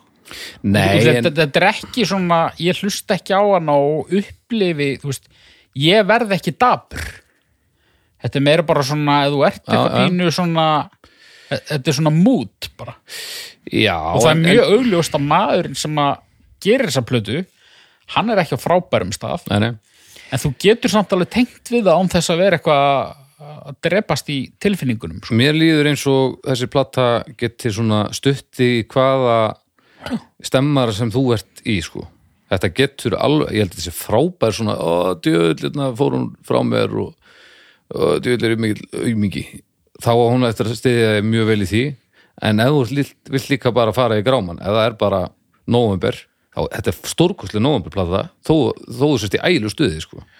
en þetta fyrra sem hún nefnir Baldur það er, þú veist, hérna að því hún er, að, þetta, þetta uppliftandi dæmið hennar er að því hún er falleg Já, hún er náttúrulega einstaklega vel lukkuð, bara uppáslað mörguleg því. angurvær, er, er það ekki orðin sko, þetta er ekki kannski þunglindislegt, þetta er angurvært já og sko þetta er svona Já, já. þetta er svona keira að nóttu dæmi ég, ég, ég, ég lísti þessu í of mörgum Já. orðum fyrir það sem ég vildi segja sko. Þetta er svona, það er myrkur og þú ert í einhverjum svona, einhverju langkyrslu er ert bara, ert svolítið þreyttur er ég á Mýrdalsandi? Er, er yfirgefin bíl? nei, þú ert meira svona þú ert meira svona að koma niður af öxnadalsheiðinni og svona ert að dettin á Akureyri eftir hálftíma. Og það er Já, klukkan er hálf tólf. Það er, þetta er, er áhugavert að því ég, ég er bara ósámála. Ég, ég upplýði hann ekki svona. ok, sem er líka merki um held ég ég held að, að þetta sé plata sem að, að hlustandinn gerir svolítið mikið að sinni. Já, hún er helviti eins og hún er vönduð og ógæslega vel gerð, þá er hún helviti hrá svona frá honum, hann er svolítið svona svolítið bugaður að gera þetta mm. og þóttu sér mjög pródúseraður ráleiki, þá er held ég getur hver og eitt bara hún svona, já stiður hvern og einn í því sem viðkomandi er að djóblast í hverju sinni, þú varst greinlega að keira já, keira þreyttur keira, þre- keira þreyttur en sko, pródúsera er rá, ráleiki en líka gríðarlega mýkt sko. já, já, mér, mér finnst bara allt ganga upp á þessar plötu sko. að býtu hægur, Já, býtum við, hvað? Það er 100 Nú býtum við heyrðu mér verst bara, ég man ekki hvað hann heitir sko. hann er svona miðbygg. Kemur eitthvað svona Enda- bjánalegur, svona hægur eitthvað svona hip-hop taktur eða eitthvað. Uh, End of the day hvað heitir þetta ansko? Það er slá- Ekki singullur, það? Ég- Nei, It's all ég in your man- mind, Around the Bend Already Dead. Nei, Sunday Sun, Dead er besta laga á blöðunni Sunday Sun. Uh, Little One Æ, maður hvað heitir, það er allavega ein, það er ein lumma hann sko. Ok, en þú veist, man ekki. ekkert ræðilegt lag. Mér finnst það bara svona, mér finnst það svona brjóta stemmaran ómikið upp sko. Ok, uh, en það sem ég man ekki hvað lagi heitir þá ætla ég ekki að staldra við þar sko. en, en þetta er ofbúslega góð plata og þetta er bara svona hún er rosa svona spars ef að, hvað er íslenska orðið yfir það, Hún er hérna það er svona fá element. Já, já, en strengirnir náttúrulega alveg hérna, hún er hjúpuð í strengjum en svona, þetta er samt bara svona ótrúlega svona þurar hægar trommur gítarbassi og mikið af þú veist, hljómborði og glokkinspíli og, eitthvað Já, þannig já, dæmi Svo sko. sko, þetta er strípað en þó mikilúðilegt Já, ok, ok, ok. Nei, það er spart sko æmið, þetta eru einföld lög. Já. Bara svona, minnum þessu fyrstu tvö lögin minnum þessu fyrstu tvö lögin eða er það eitt og þrjú? Við erum bara, er bara nánast sami hljómagangur sam, Já, sama tóntegund bara nákvæða sami fílingur bara byrja þarna á Golden Age. Já, Golden Age og Paper Tiger. Já, það er ekki tvö, Paper Tiger, það er svona aðeins meira grúf í því. Svo Guess I'm Doing Fine. Já, Já, það er það. Uh, já, en sko já, Already Dead finnst mér besta lag Ástralblöð, sko. mér finnst það ótrúlega lag. Ég man ekki hvernig það er. Uh, það er hérna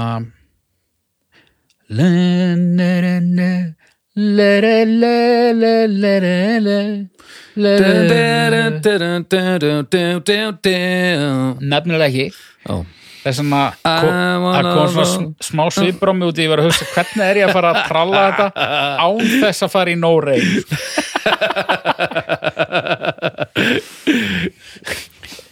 En hérna ógisla flott lag. Og svo dettur hann í falsettuna sko hérna already dead to me now. La la la la la la la la eitthvað. Mm.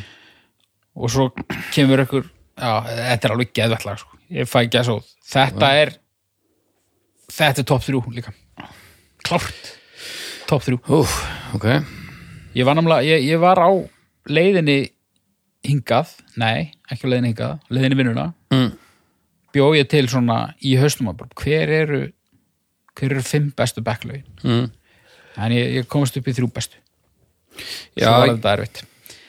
En þau voru öll á sikkur blöður Já, ég held að ég geti Já, sko, drungin ég, ég, Þetta er alveg, þetta er tvennskonar ást. Drungabekk og og svo er bara blöðrubekk. Það er, það er svona minn, minn, minn það er minn fyrsti bekk, sko. Já, en drungabekkin kemur eins og með hérna, Runners, Runners Style Zero. Eh, það er held ég lag sem er ekki gefið út. Þess að það er á einhverju endurútgáfu af Mutations eða eitthvað. Eitthvað sem var, var ekki búið að gefa út. Ég held ég þekki það ekki. Það er ekki eðlilega gott lag það, það er þrúandi og svona myrt og, og samt melodist það er, ég held að ég seti það á toppir á sko. Ok, en við erum ekki konir hins vegar að, að besta lagi bekk sko. Ok, áhugavert. Ég held ég verið komin þú verður að vera með eitt skýran single nummer eitt sko að því er ekkert, að eitthvað topp þrýr í engri sérstrakri röð. Þá Það getum er- við, eyði ég þessum þetta það er svolítið erfitt sko. en ok, gott og vel. og, og doktor, mér þetta líka væntum að þú verður með skýran fyrsta topp singul ok, ok. En svo, sem það getur verið singul, bara, bara besta lag. Já, besta lagi en svo, svo er, hérna, er það lag þrjú eða fjögur sem, það, það sem að sko, strenginir fara upp endalust í login? Mm. er það ekki lag þrjú eða er það fjögur það er svona Já, já, ég man hvað voru það og fyrir bara endalust og svona smá lúpa eila af því að Hmm. ógeðslega töff uh, já, ég myndi segja það að sko leinivopnið á þessari plötu Hmm. eins góð og hún gæti mögulega orðið án þess Mm.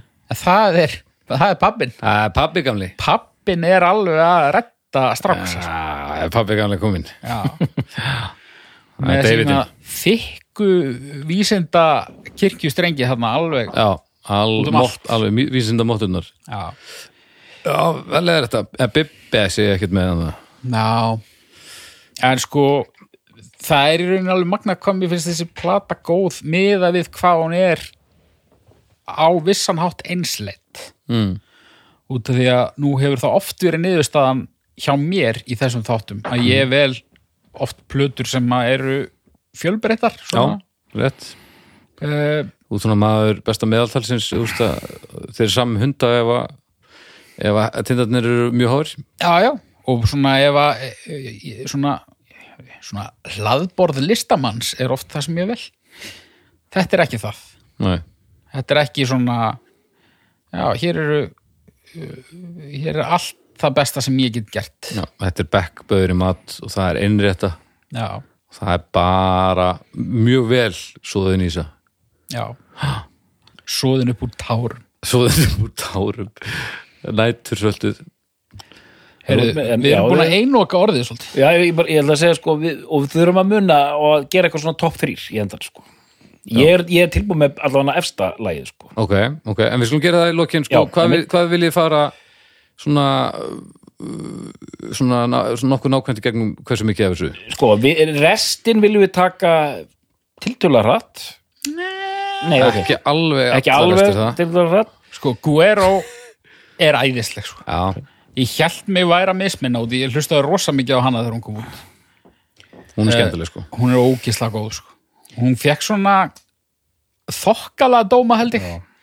En þú veist, hún er aldrei nefnt sér best en það, það er miklu meira að geggjuðum lögum á henni en með mitti og Ég- já, hérna, já þú ert kannski nei, nei, ég, ég kannski bara, bara svo ég segi eitthvað. Hérna, mjög gaman að heyra ykkur tala um Seagents sko. ég er svona jú, mér finnst þetta alveg geggjuð plata og ótrúlega flott sko, en ég er svona aðeins kaldari ef ég má nota það sko. ég er bara svona, já, ok.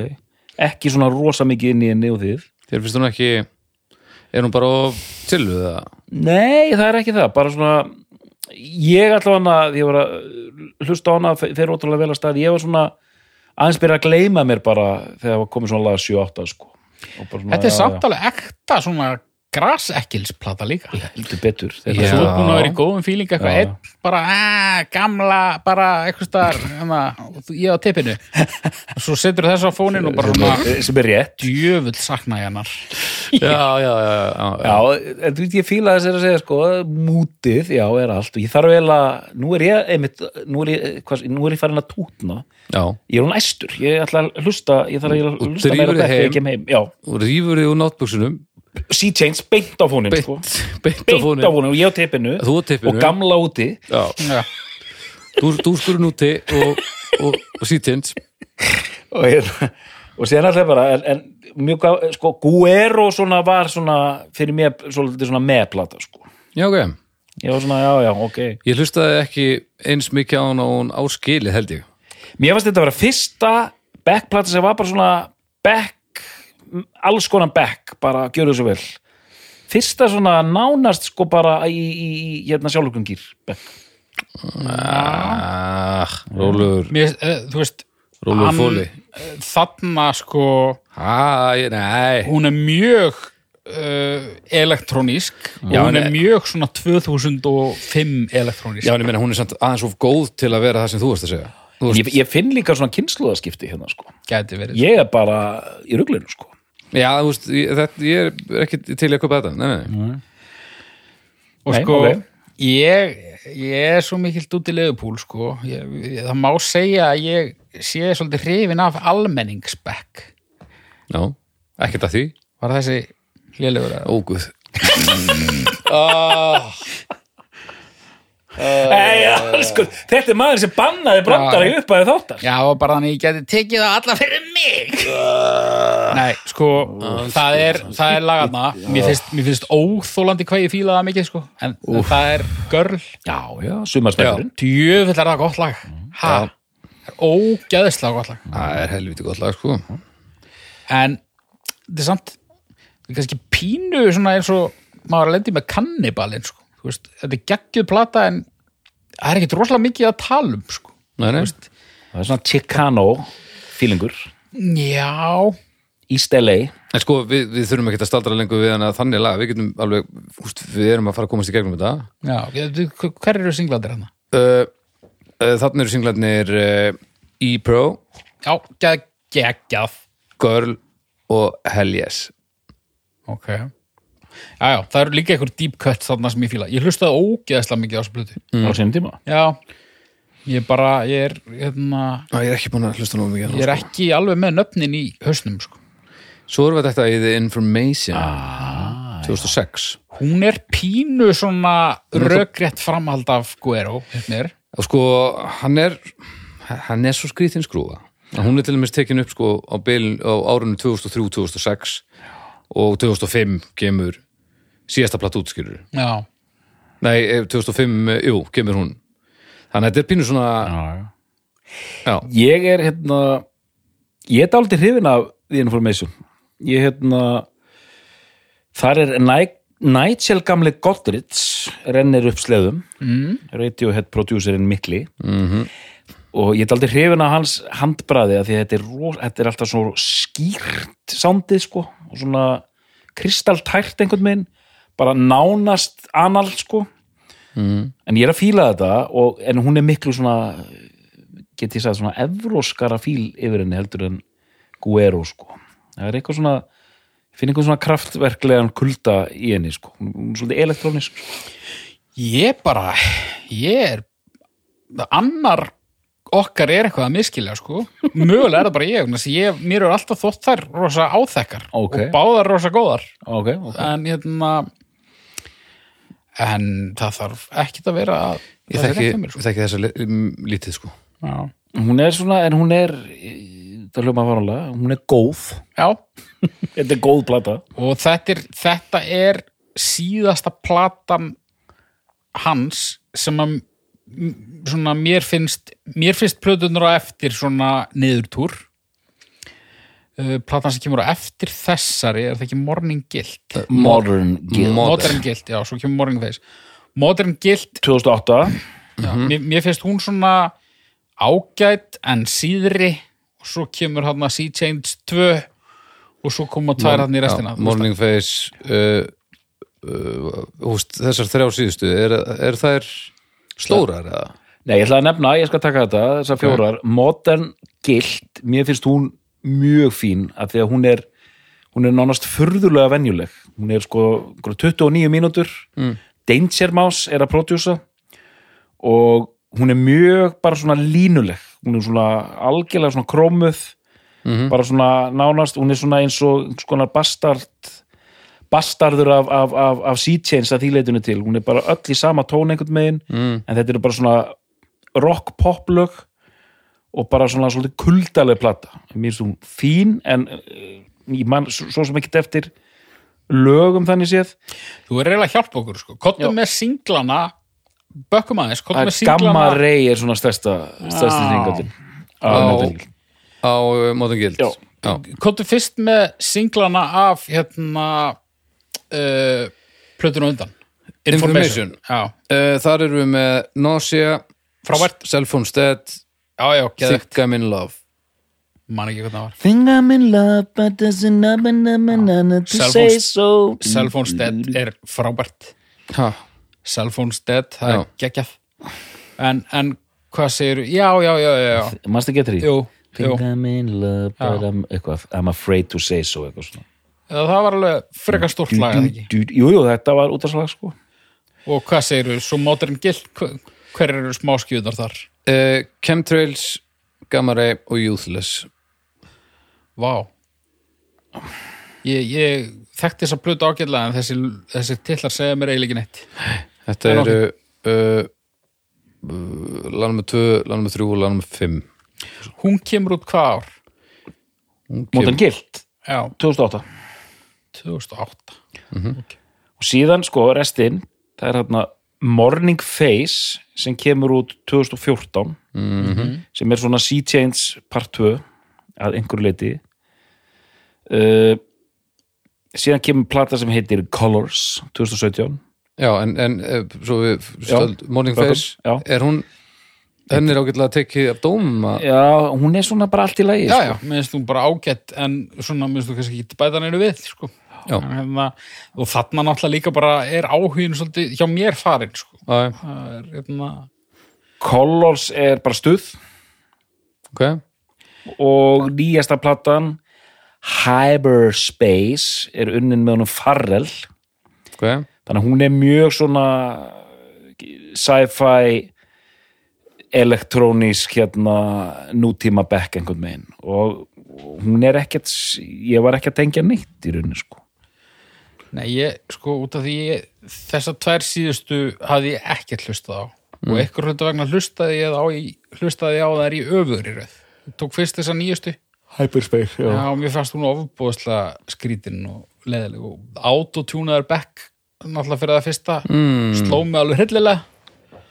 Uh, og fannst hún bara svona fannst hún pínu bara svona einhver hérna eins og þú sagðir í fannst hún pínu svona how do you do fellow kids? Já, uh, ekki afleitt en ég var ekki að kaupa hana sko. ok. Uh, en svo fór ég í hann að hvað sér hún heiti Colors. Colors. Mér fannst hún bara svolítið skemmtileg Já, hún er skemmtileg. Hún er bara, hún er hún er svona Ég kannast ekki við eitt einasta lag á henni samt, þannig að ég veit ekki hversu mikið spilað þetta hefur verið sko. það er svona fjör og gáski sko og, og þá er hann þú veist, þá er hann pínu svona eitthvað deginn að tala inn í uh, tíðarandan en samt ekki þannig að það verði eitthvað vandaralegt sko. þannig að sko, já, þetta er síðan bara, nú erum við búin að þylja upp helstu breiðskifur þessa manns en hann er búin að gera allan fjandan -hmm. heldur sér alltaf uppteknum ég er bara með eitthvað stúdíóð í Malibu hann gaf til dæmis út svona nótna hefti eða svona, Alveg rétt, Já, já, já. Alveg rétt ég var búin að gleyma þessu. Gaf hann plötu sem var bara á nótu Ó, bara á það nótum. hérna já, svona, ég, hvað þetta er songbook eða eitthvað líka, sko. Já, ég meina, mamma hans hefur verið stólt og bara gerði þetta. Hún var alveg partur af já. Já, já. Já, já, og síðan Ég var búin að stengla um þessu, ég man þegar þetta kom sko, Já. mér fannst þetta mest cool, mest cool sem ég hefði nokk tíma heyrt sko. ah, en mér finnst það aðeins minna cool nú en mér finnst það samt er bara en er, er þetta ekki pose sem sagt? Jú, jú, Jú, jú, jú. En þetta er samt, að- að- þetta er pínum gaman líka. Þetta er líka svona múfa innvinkla fólki sem að hefur gaman að þér Það er pínu næ, að er skemmtileg pæling að í fyrsta skipti sem að þú heyrir nýja efni með back er þegar að þú spila flytur það. sjálfur. Það Það er pínu skemmtileg pæling sko. og hann er líka bara að kommenta einmitt, einu sinni var þetta svona. Bara fyrir tíma hljóðurreitarar tónlistar. Já, þá fyrir- var músík gefin svona út. Já, já, algjörlega. Hérna, Þannig að já, já, það al- alveg kúl hjá honum Já, hann var, var þetta back to the roots sem sagt. Jésús ég sé, eftir, ég sé eftir að hafa sett á brandarabann vegna þess að við Þetta erum er- mörgulega að fara á misu nokkuð roots. marga sko. Já, þetta er, það er, það er mikið Og ég er búin að vera að halda í mér alveg bara. En það er til mikils að vinna hérna. Já, þú mátt ekki láta hann beita þig svona ofbeldi sko, að hérna, hann stoppar þetta og, og reytir sér að sér brandarna saman Hann er búin að vera betur með ábyrgði svo það lengi var er þaul skipulagt. Mjög erfitt samband búið að vera. En hérna, síðan stopnaði hann það sem kallað er The Record Club. Já, þar sem hann og vinir hans bara mæta í stúdíuð og endurhlöður þetta kick með NXS já, og bara einhverjar og plötur eitthvað Janni hérna live plötu þetta er bara brilliant. Tókuðu Janni lægt já, Akkur er Janni ekki í Access-skjálun? Já, ég segi það sko. Það er, það er, það er eitthvað sem verðum að taka. Væri búin að segja að þeir fóru á soundcheck með Janni? Minni mig, já, betur hvað var það? Ég veit- Ég bara álpaðist inn í soundcheck hjá Janni. Okay. Sagan er eiginlega bara þannig Mér finnst það bara fyndið.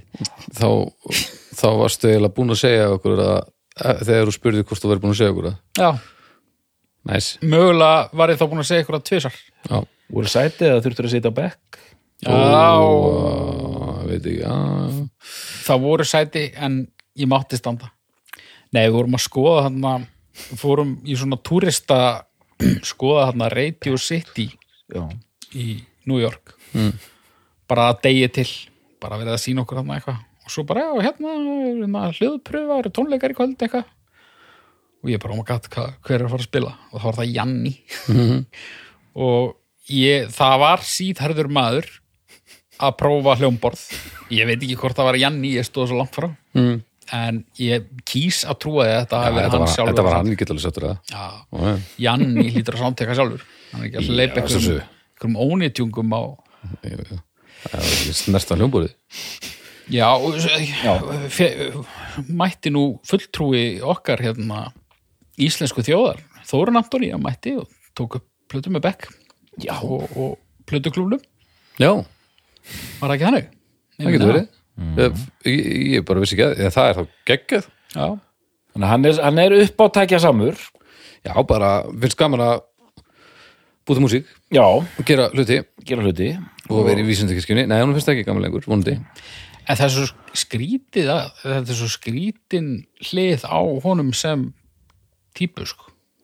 Já, þetta er bara er þetta ekki náðum ungum elementi því ég held að það skýri kannski mest. og mér finnst hann hafa þá í rauninni ef hann var svona djúpt fokkin í þetta þá finnst mér hann hafa staðis helviti velja að búið til alls konar skemmtilegt sitt sko.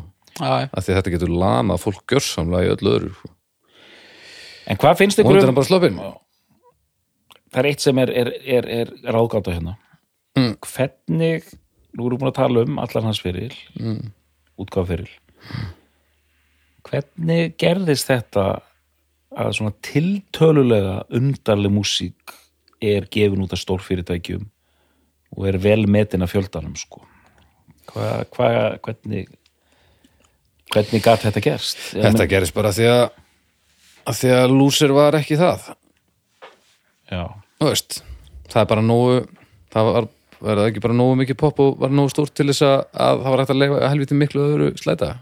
Fólk gleymiði kannski stundum að ég minna hljómsveitir svo bítla bítlanir gáfu út mjög furðurlega já, lög. Já, já, en bílætin voru líka búin að gefa út það, það, komu hittarar líka sko. já, já, já.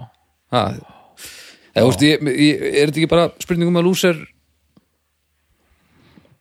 hann er klár og það var hægt að sækja hittara þegar það þurfti og, það, og fólk var samt að kveikja líka á steikinni sko. Já, ég líka en bara hitta, og- ég held að hittarnir séu nú að bera þetta Ég líka bara eins og þú sagðir hérna áðan bara, þú veist, uh, landslægið þarna á þessum tíma. Já, það var náttúrulega ekki bara nirvana sem að hafi rutt þessa braut eða björk uh, eins og þú sagðir, þú veist, líka bara eins og við og, og þú höfum talað um áður, þú veist, ég minna það hafi verið að það hafi verið að gefa út Husker Du á Warner, já. fólk Já, var bara einhverju örvæntingu bara, hey, hérna, fólk fílar hérna, skrítið neðanjarðar. Dótt við þurfum að gefa þetta út. Förum að, förum að kíkja myndir brýr í, í Þýskalandi. Já, og þú veist, þetta greinlega bara þetta, þessi stemning bara endist greinlega í svolítið tíma. Ég held að hann hafa alveg notið góðs af þessu þó að þetta sé 94 eða ég ímynda mér það. Hvernig, en hvernig erum við topp þrjá? Ég, ég vil ekki að við gleymum þessu Singla? já, Ah, ok, topp þrýr ég, uh, topp, sko við tökum þristin fyrst ring Já, ég, ég hugsa að ég þetta verður svolítið skitsofninist topp þrýr, þetta er erfitt. Ég ætla að setja Runnestyle Zero það er þetta lag sem að þið veit ekki hvort þið hefur heyrt. Það er ekki, ekki ég ætla, ógislega yfirþyrmandi. Ég ætla að setja Golden Age í þriðasæti ég er fyrir görl ok, það er þriða ok. Ég verð að setja Lost Cause. Það laga náðu mér alveg. Uh, ég setja það í annars að okay. ég set uh, Devil's Haircut í annað. Nei, hættu nú. Ha, það er rosalegt ok, ok. Herðu, ég uh, lofta út hérna bara óþefnum og set uh, Already Dead. Já, já, ok, ok. Ég er bara að stríða þér. Ok, það var að fyrsta seti Já. Baldur. Að sjálfsögðu fyrsta seti þetta er fáránlega hegðun hjá allavega öðrum ykkar að hafa sett þetta lag á listan og vera ekki með það í fyrsta seti Görli er náttúrulega lang, ég er búin að sitja þegar varst eitthvað, þetta er svo hryllilega gott lag. Þú með það Görl? ógeðslega ógeðslega gott lag. Já, það er besta, eitt besta stuðulag sem er til í heiminum. Það er frábært. Það, það, það er bara ekkert lag sem gerir mig eins hryllilega stemdan og glaðan bara strax eins og görl. Djöfull kom þetta mér óvart. Og djúvill er búin að sitja hjá mér þegar póker fjés og bara, Já, þetta er rosalegt. Nú er ég ánægð með þig. Er það gott. Geðvegt lag. Doktor, Birkan. Birken, ok, ok. Já, Ok, ok. Já, þú veist ekki fyrir sjánlegt en nei, nei, nei, nei en, en ásættalegt gott. ásættalegt, já. Já, já.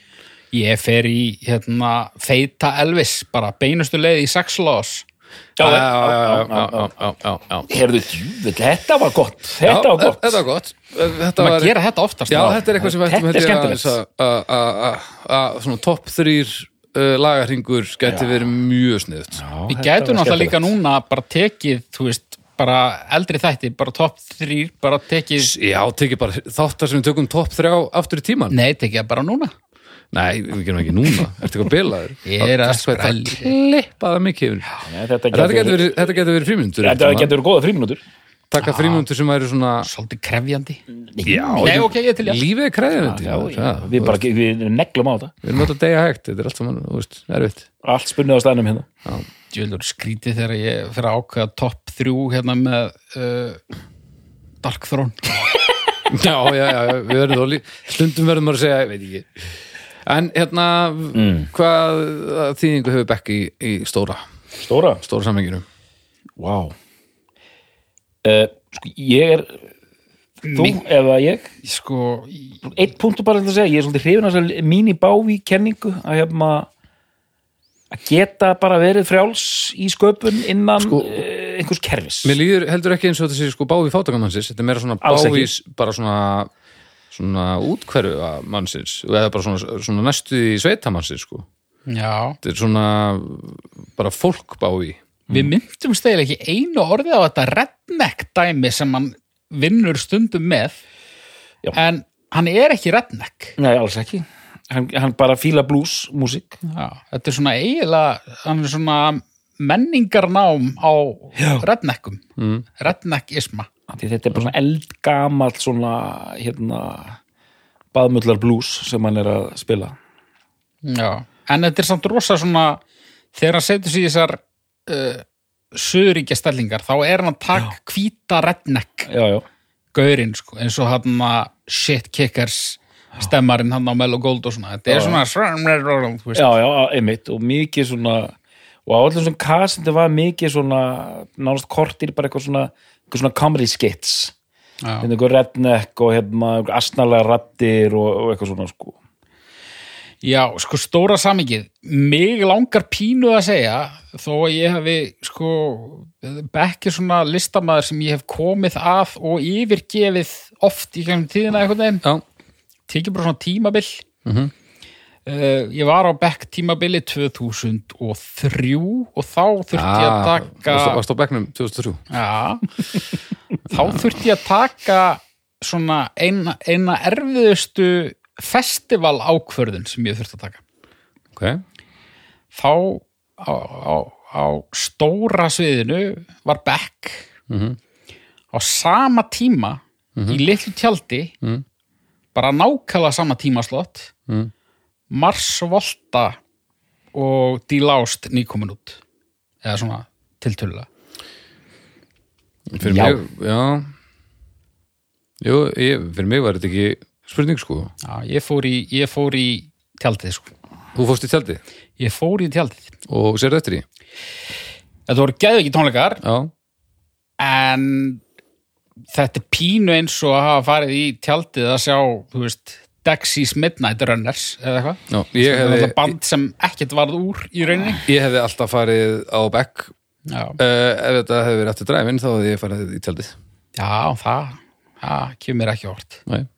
en já, ekki fyrir. En þetta var samt svona, þetta voru svona aðstæður þar sem ég vissi að, sko, ég er aldrei 100% sáttur við það sem ég myndi velja. Nei, nei, og mér minnir að það hafi fleiri uh, meðreiðar sveinar og megar mínir uh, verið að fara á Marsvolta þannig að ég, ég fór þangað sko Já, já, og misti af Beck maður fólksins. Hvenær var þetta? 2000 og... 2003 Já, ok.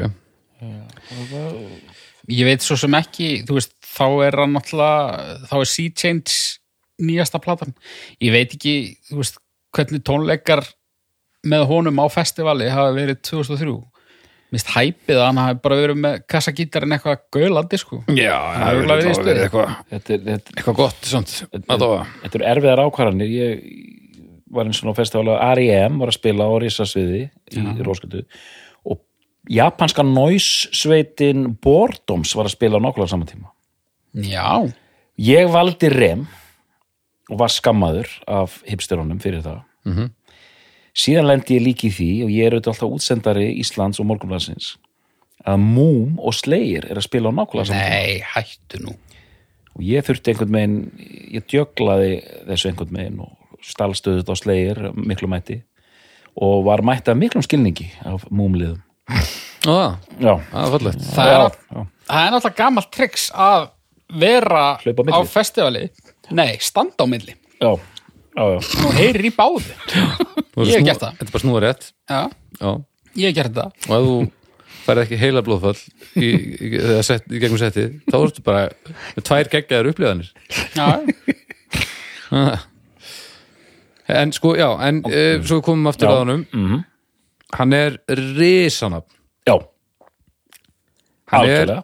hann er starra nafn en margir grein fyrir Hann er alveg svona uh, úst, gera eitthvað úst, með Paul McCartney Mhm. stór Já. Úst, hann, hann er alveg svona og, og á ákveðnum tíma 90s þá er hann alveg rosalega ábæði og mikilvægur, mér líður þannig algjörlega er þetta miskringur? nei, nei, ég meina eins og þú segir hérna, gera lag með Paul McCartney það er þessi stærð Já, og sko er að beðni Paul McCartney sko.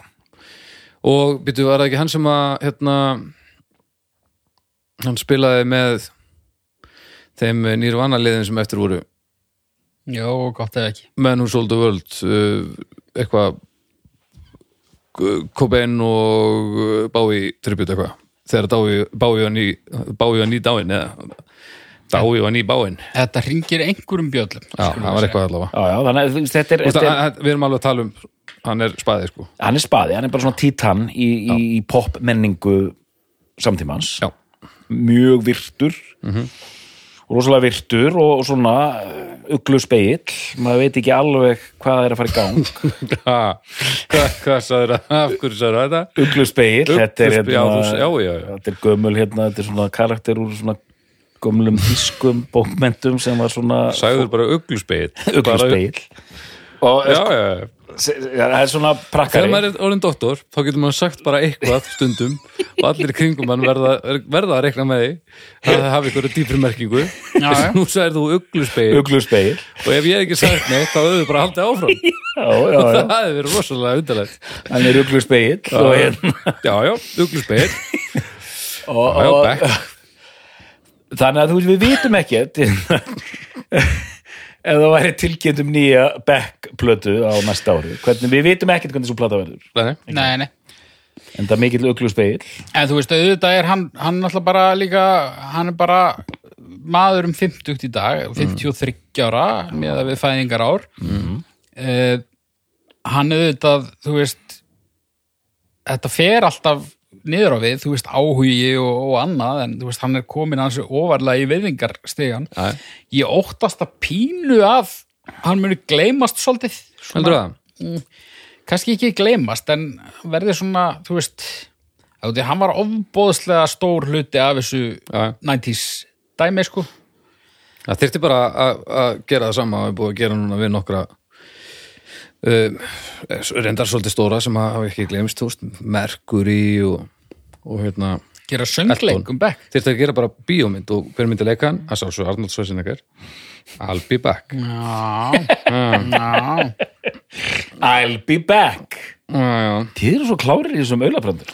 Þessi var nú ekki ekki framúr, þessi var nú ekki góð. Hann var fyrirsjónlegur Nei, mér erst það vandaður sko. Já, ok, ok. Ég reyndar sá hann ekki fyrir. Ekki fyrir? Eftir á er hann fyrir sálu Já, þessi var rosalega I'll be back. Ég svona var að hugsa um að sleppunum hann var alveg Já, þetta er, náður að semja hann hérna á staðnum. En nei, ég hugsa nú að hann hérna, uh, gleymist kannski ekki beint en hann, hann gæt, jú, hann gæti alveg gleymst. En sko Michael Cera kynslóð. myndi náttúrulega auðvitað leikan Hvað segir þið?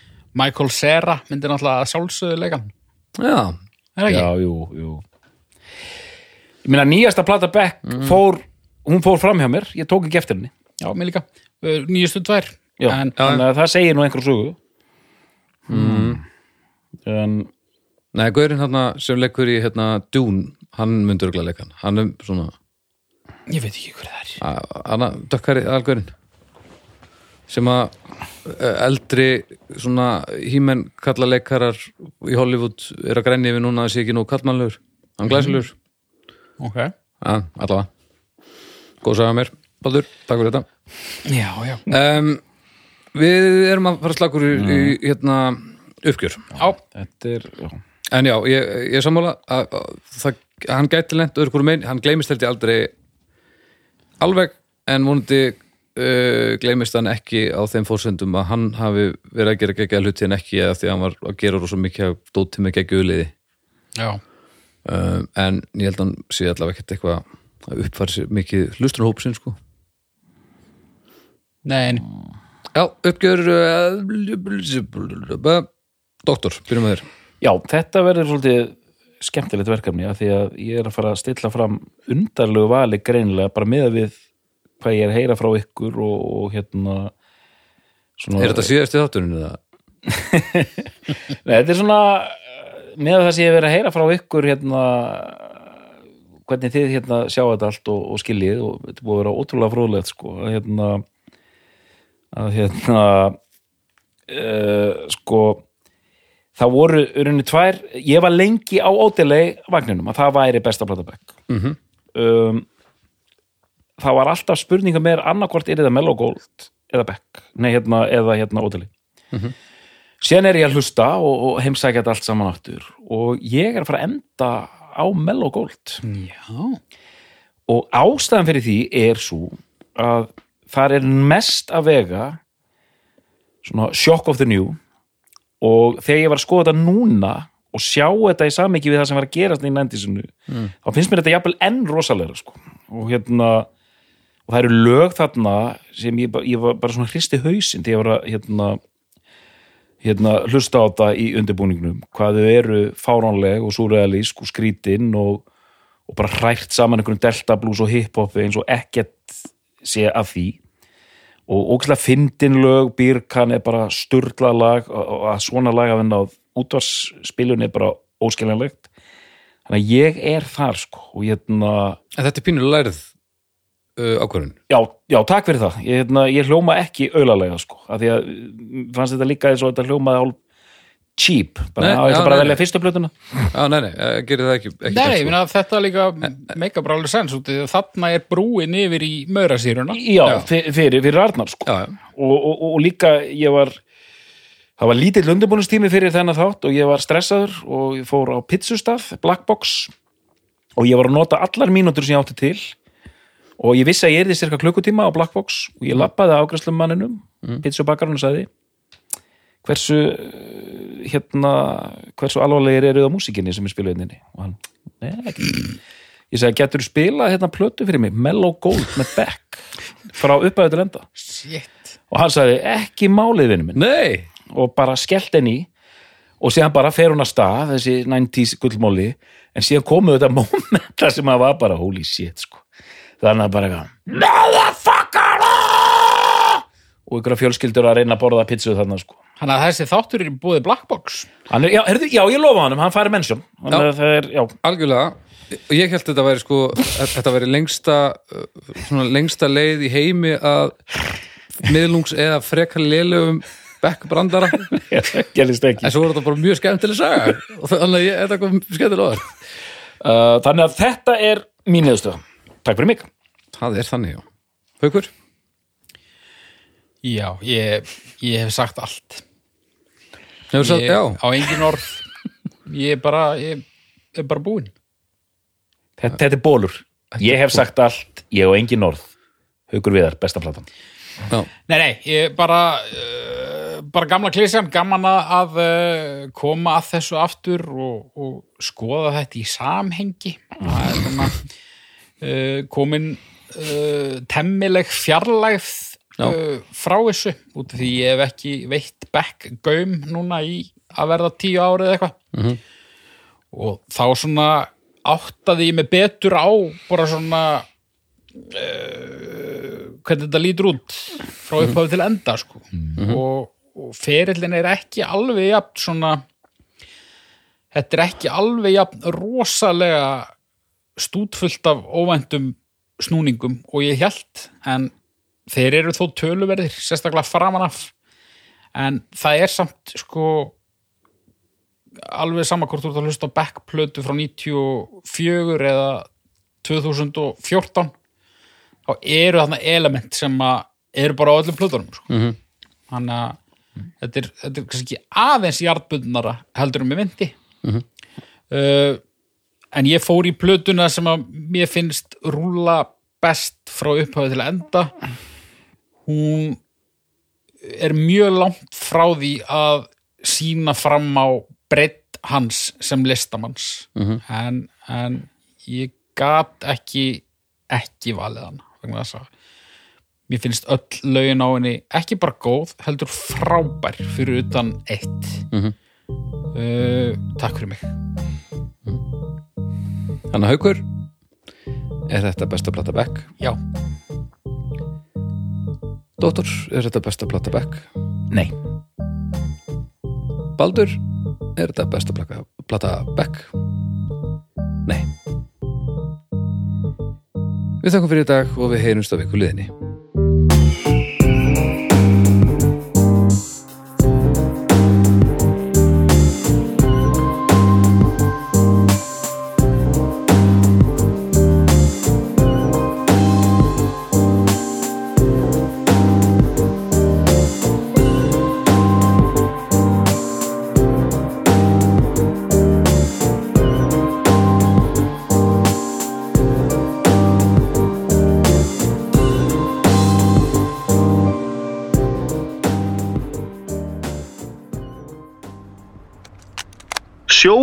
tryggir rattirnar í höfðun á þér.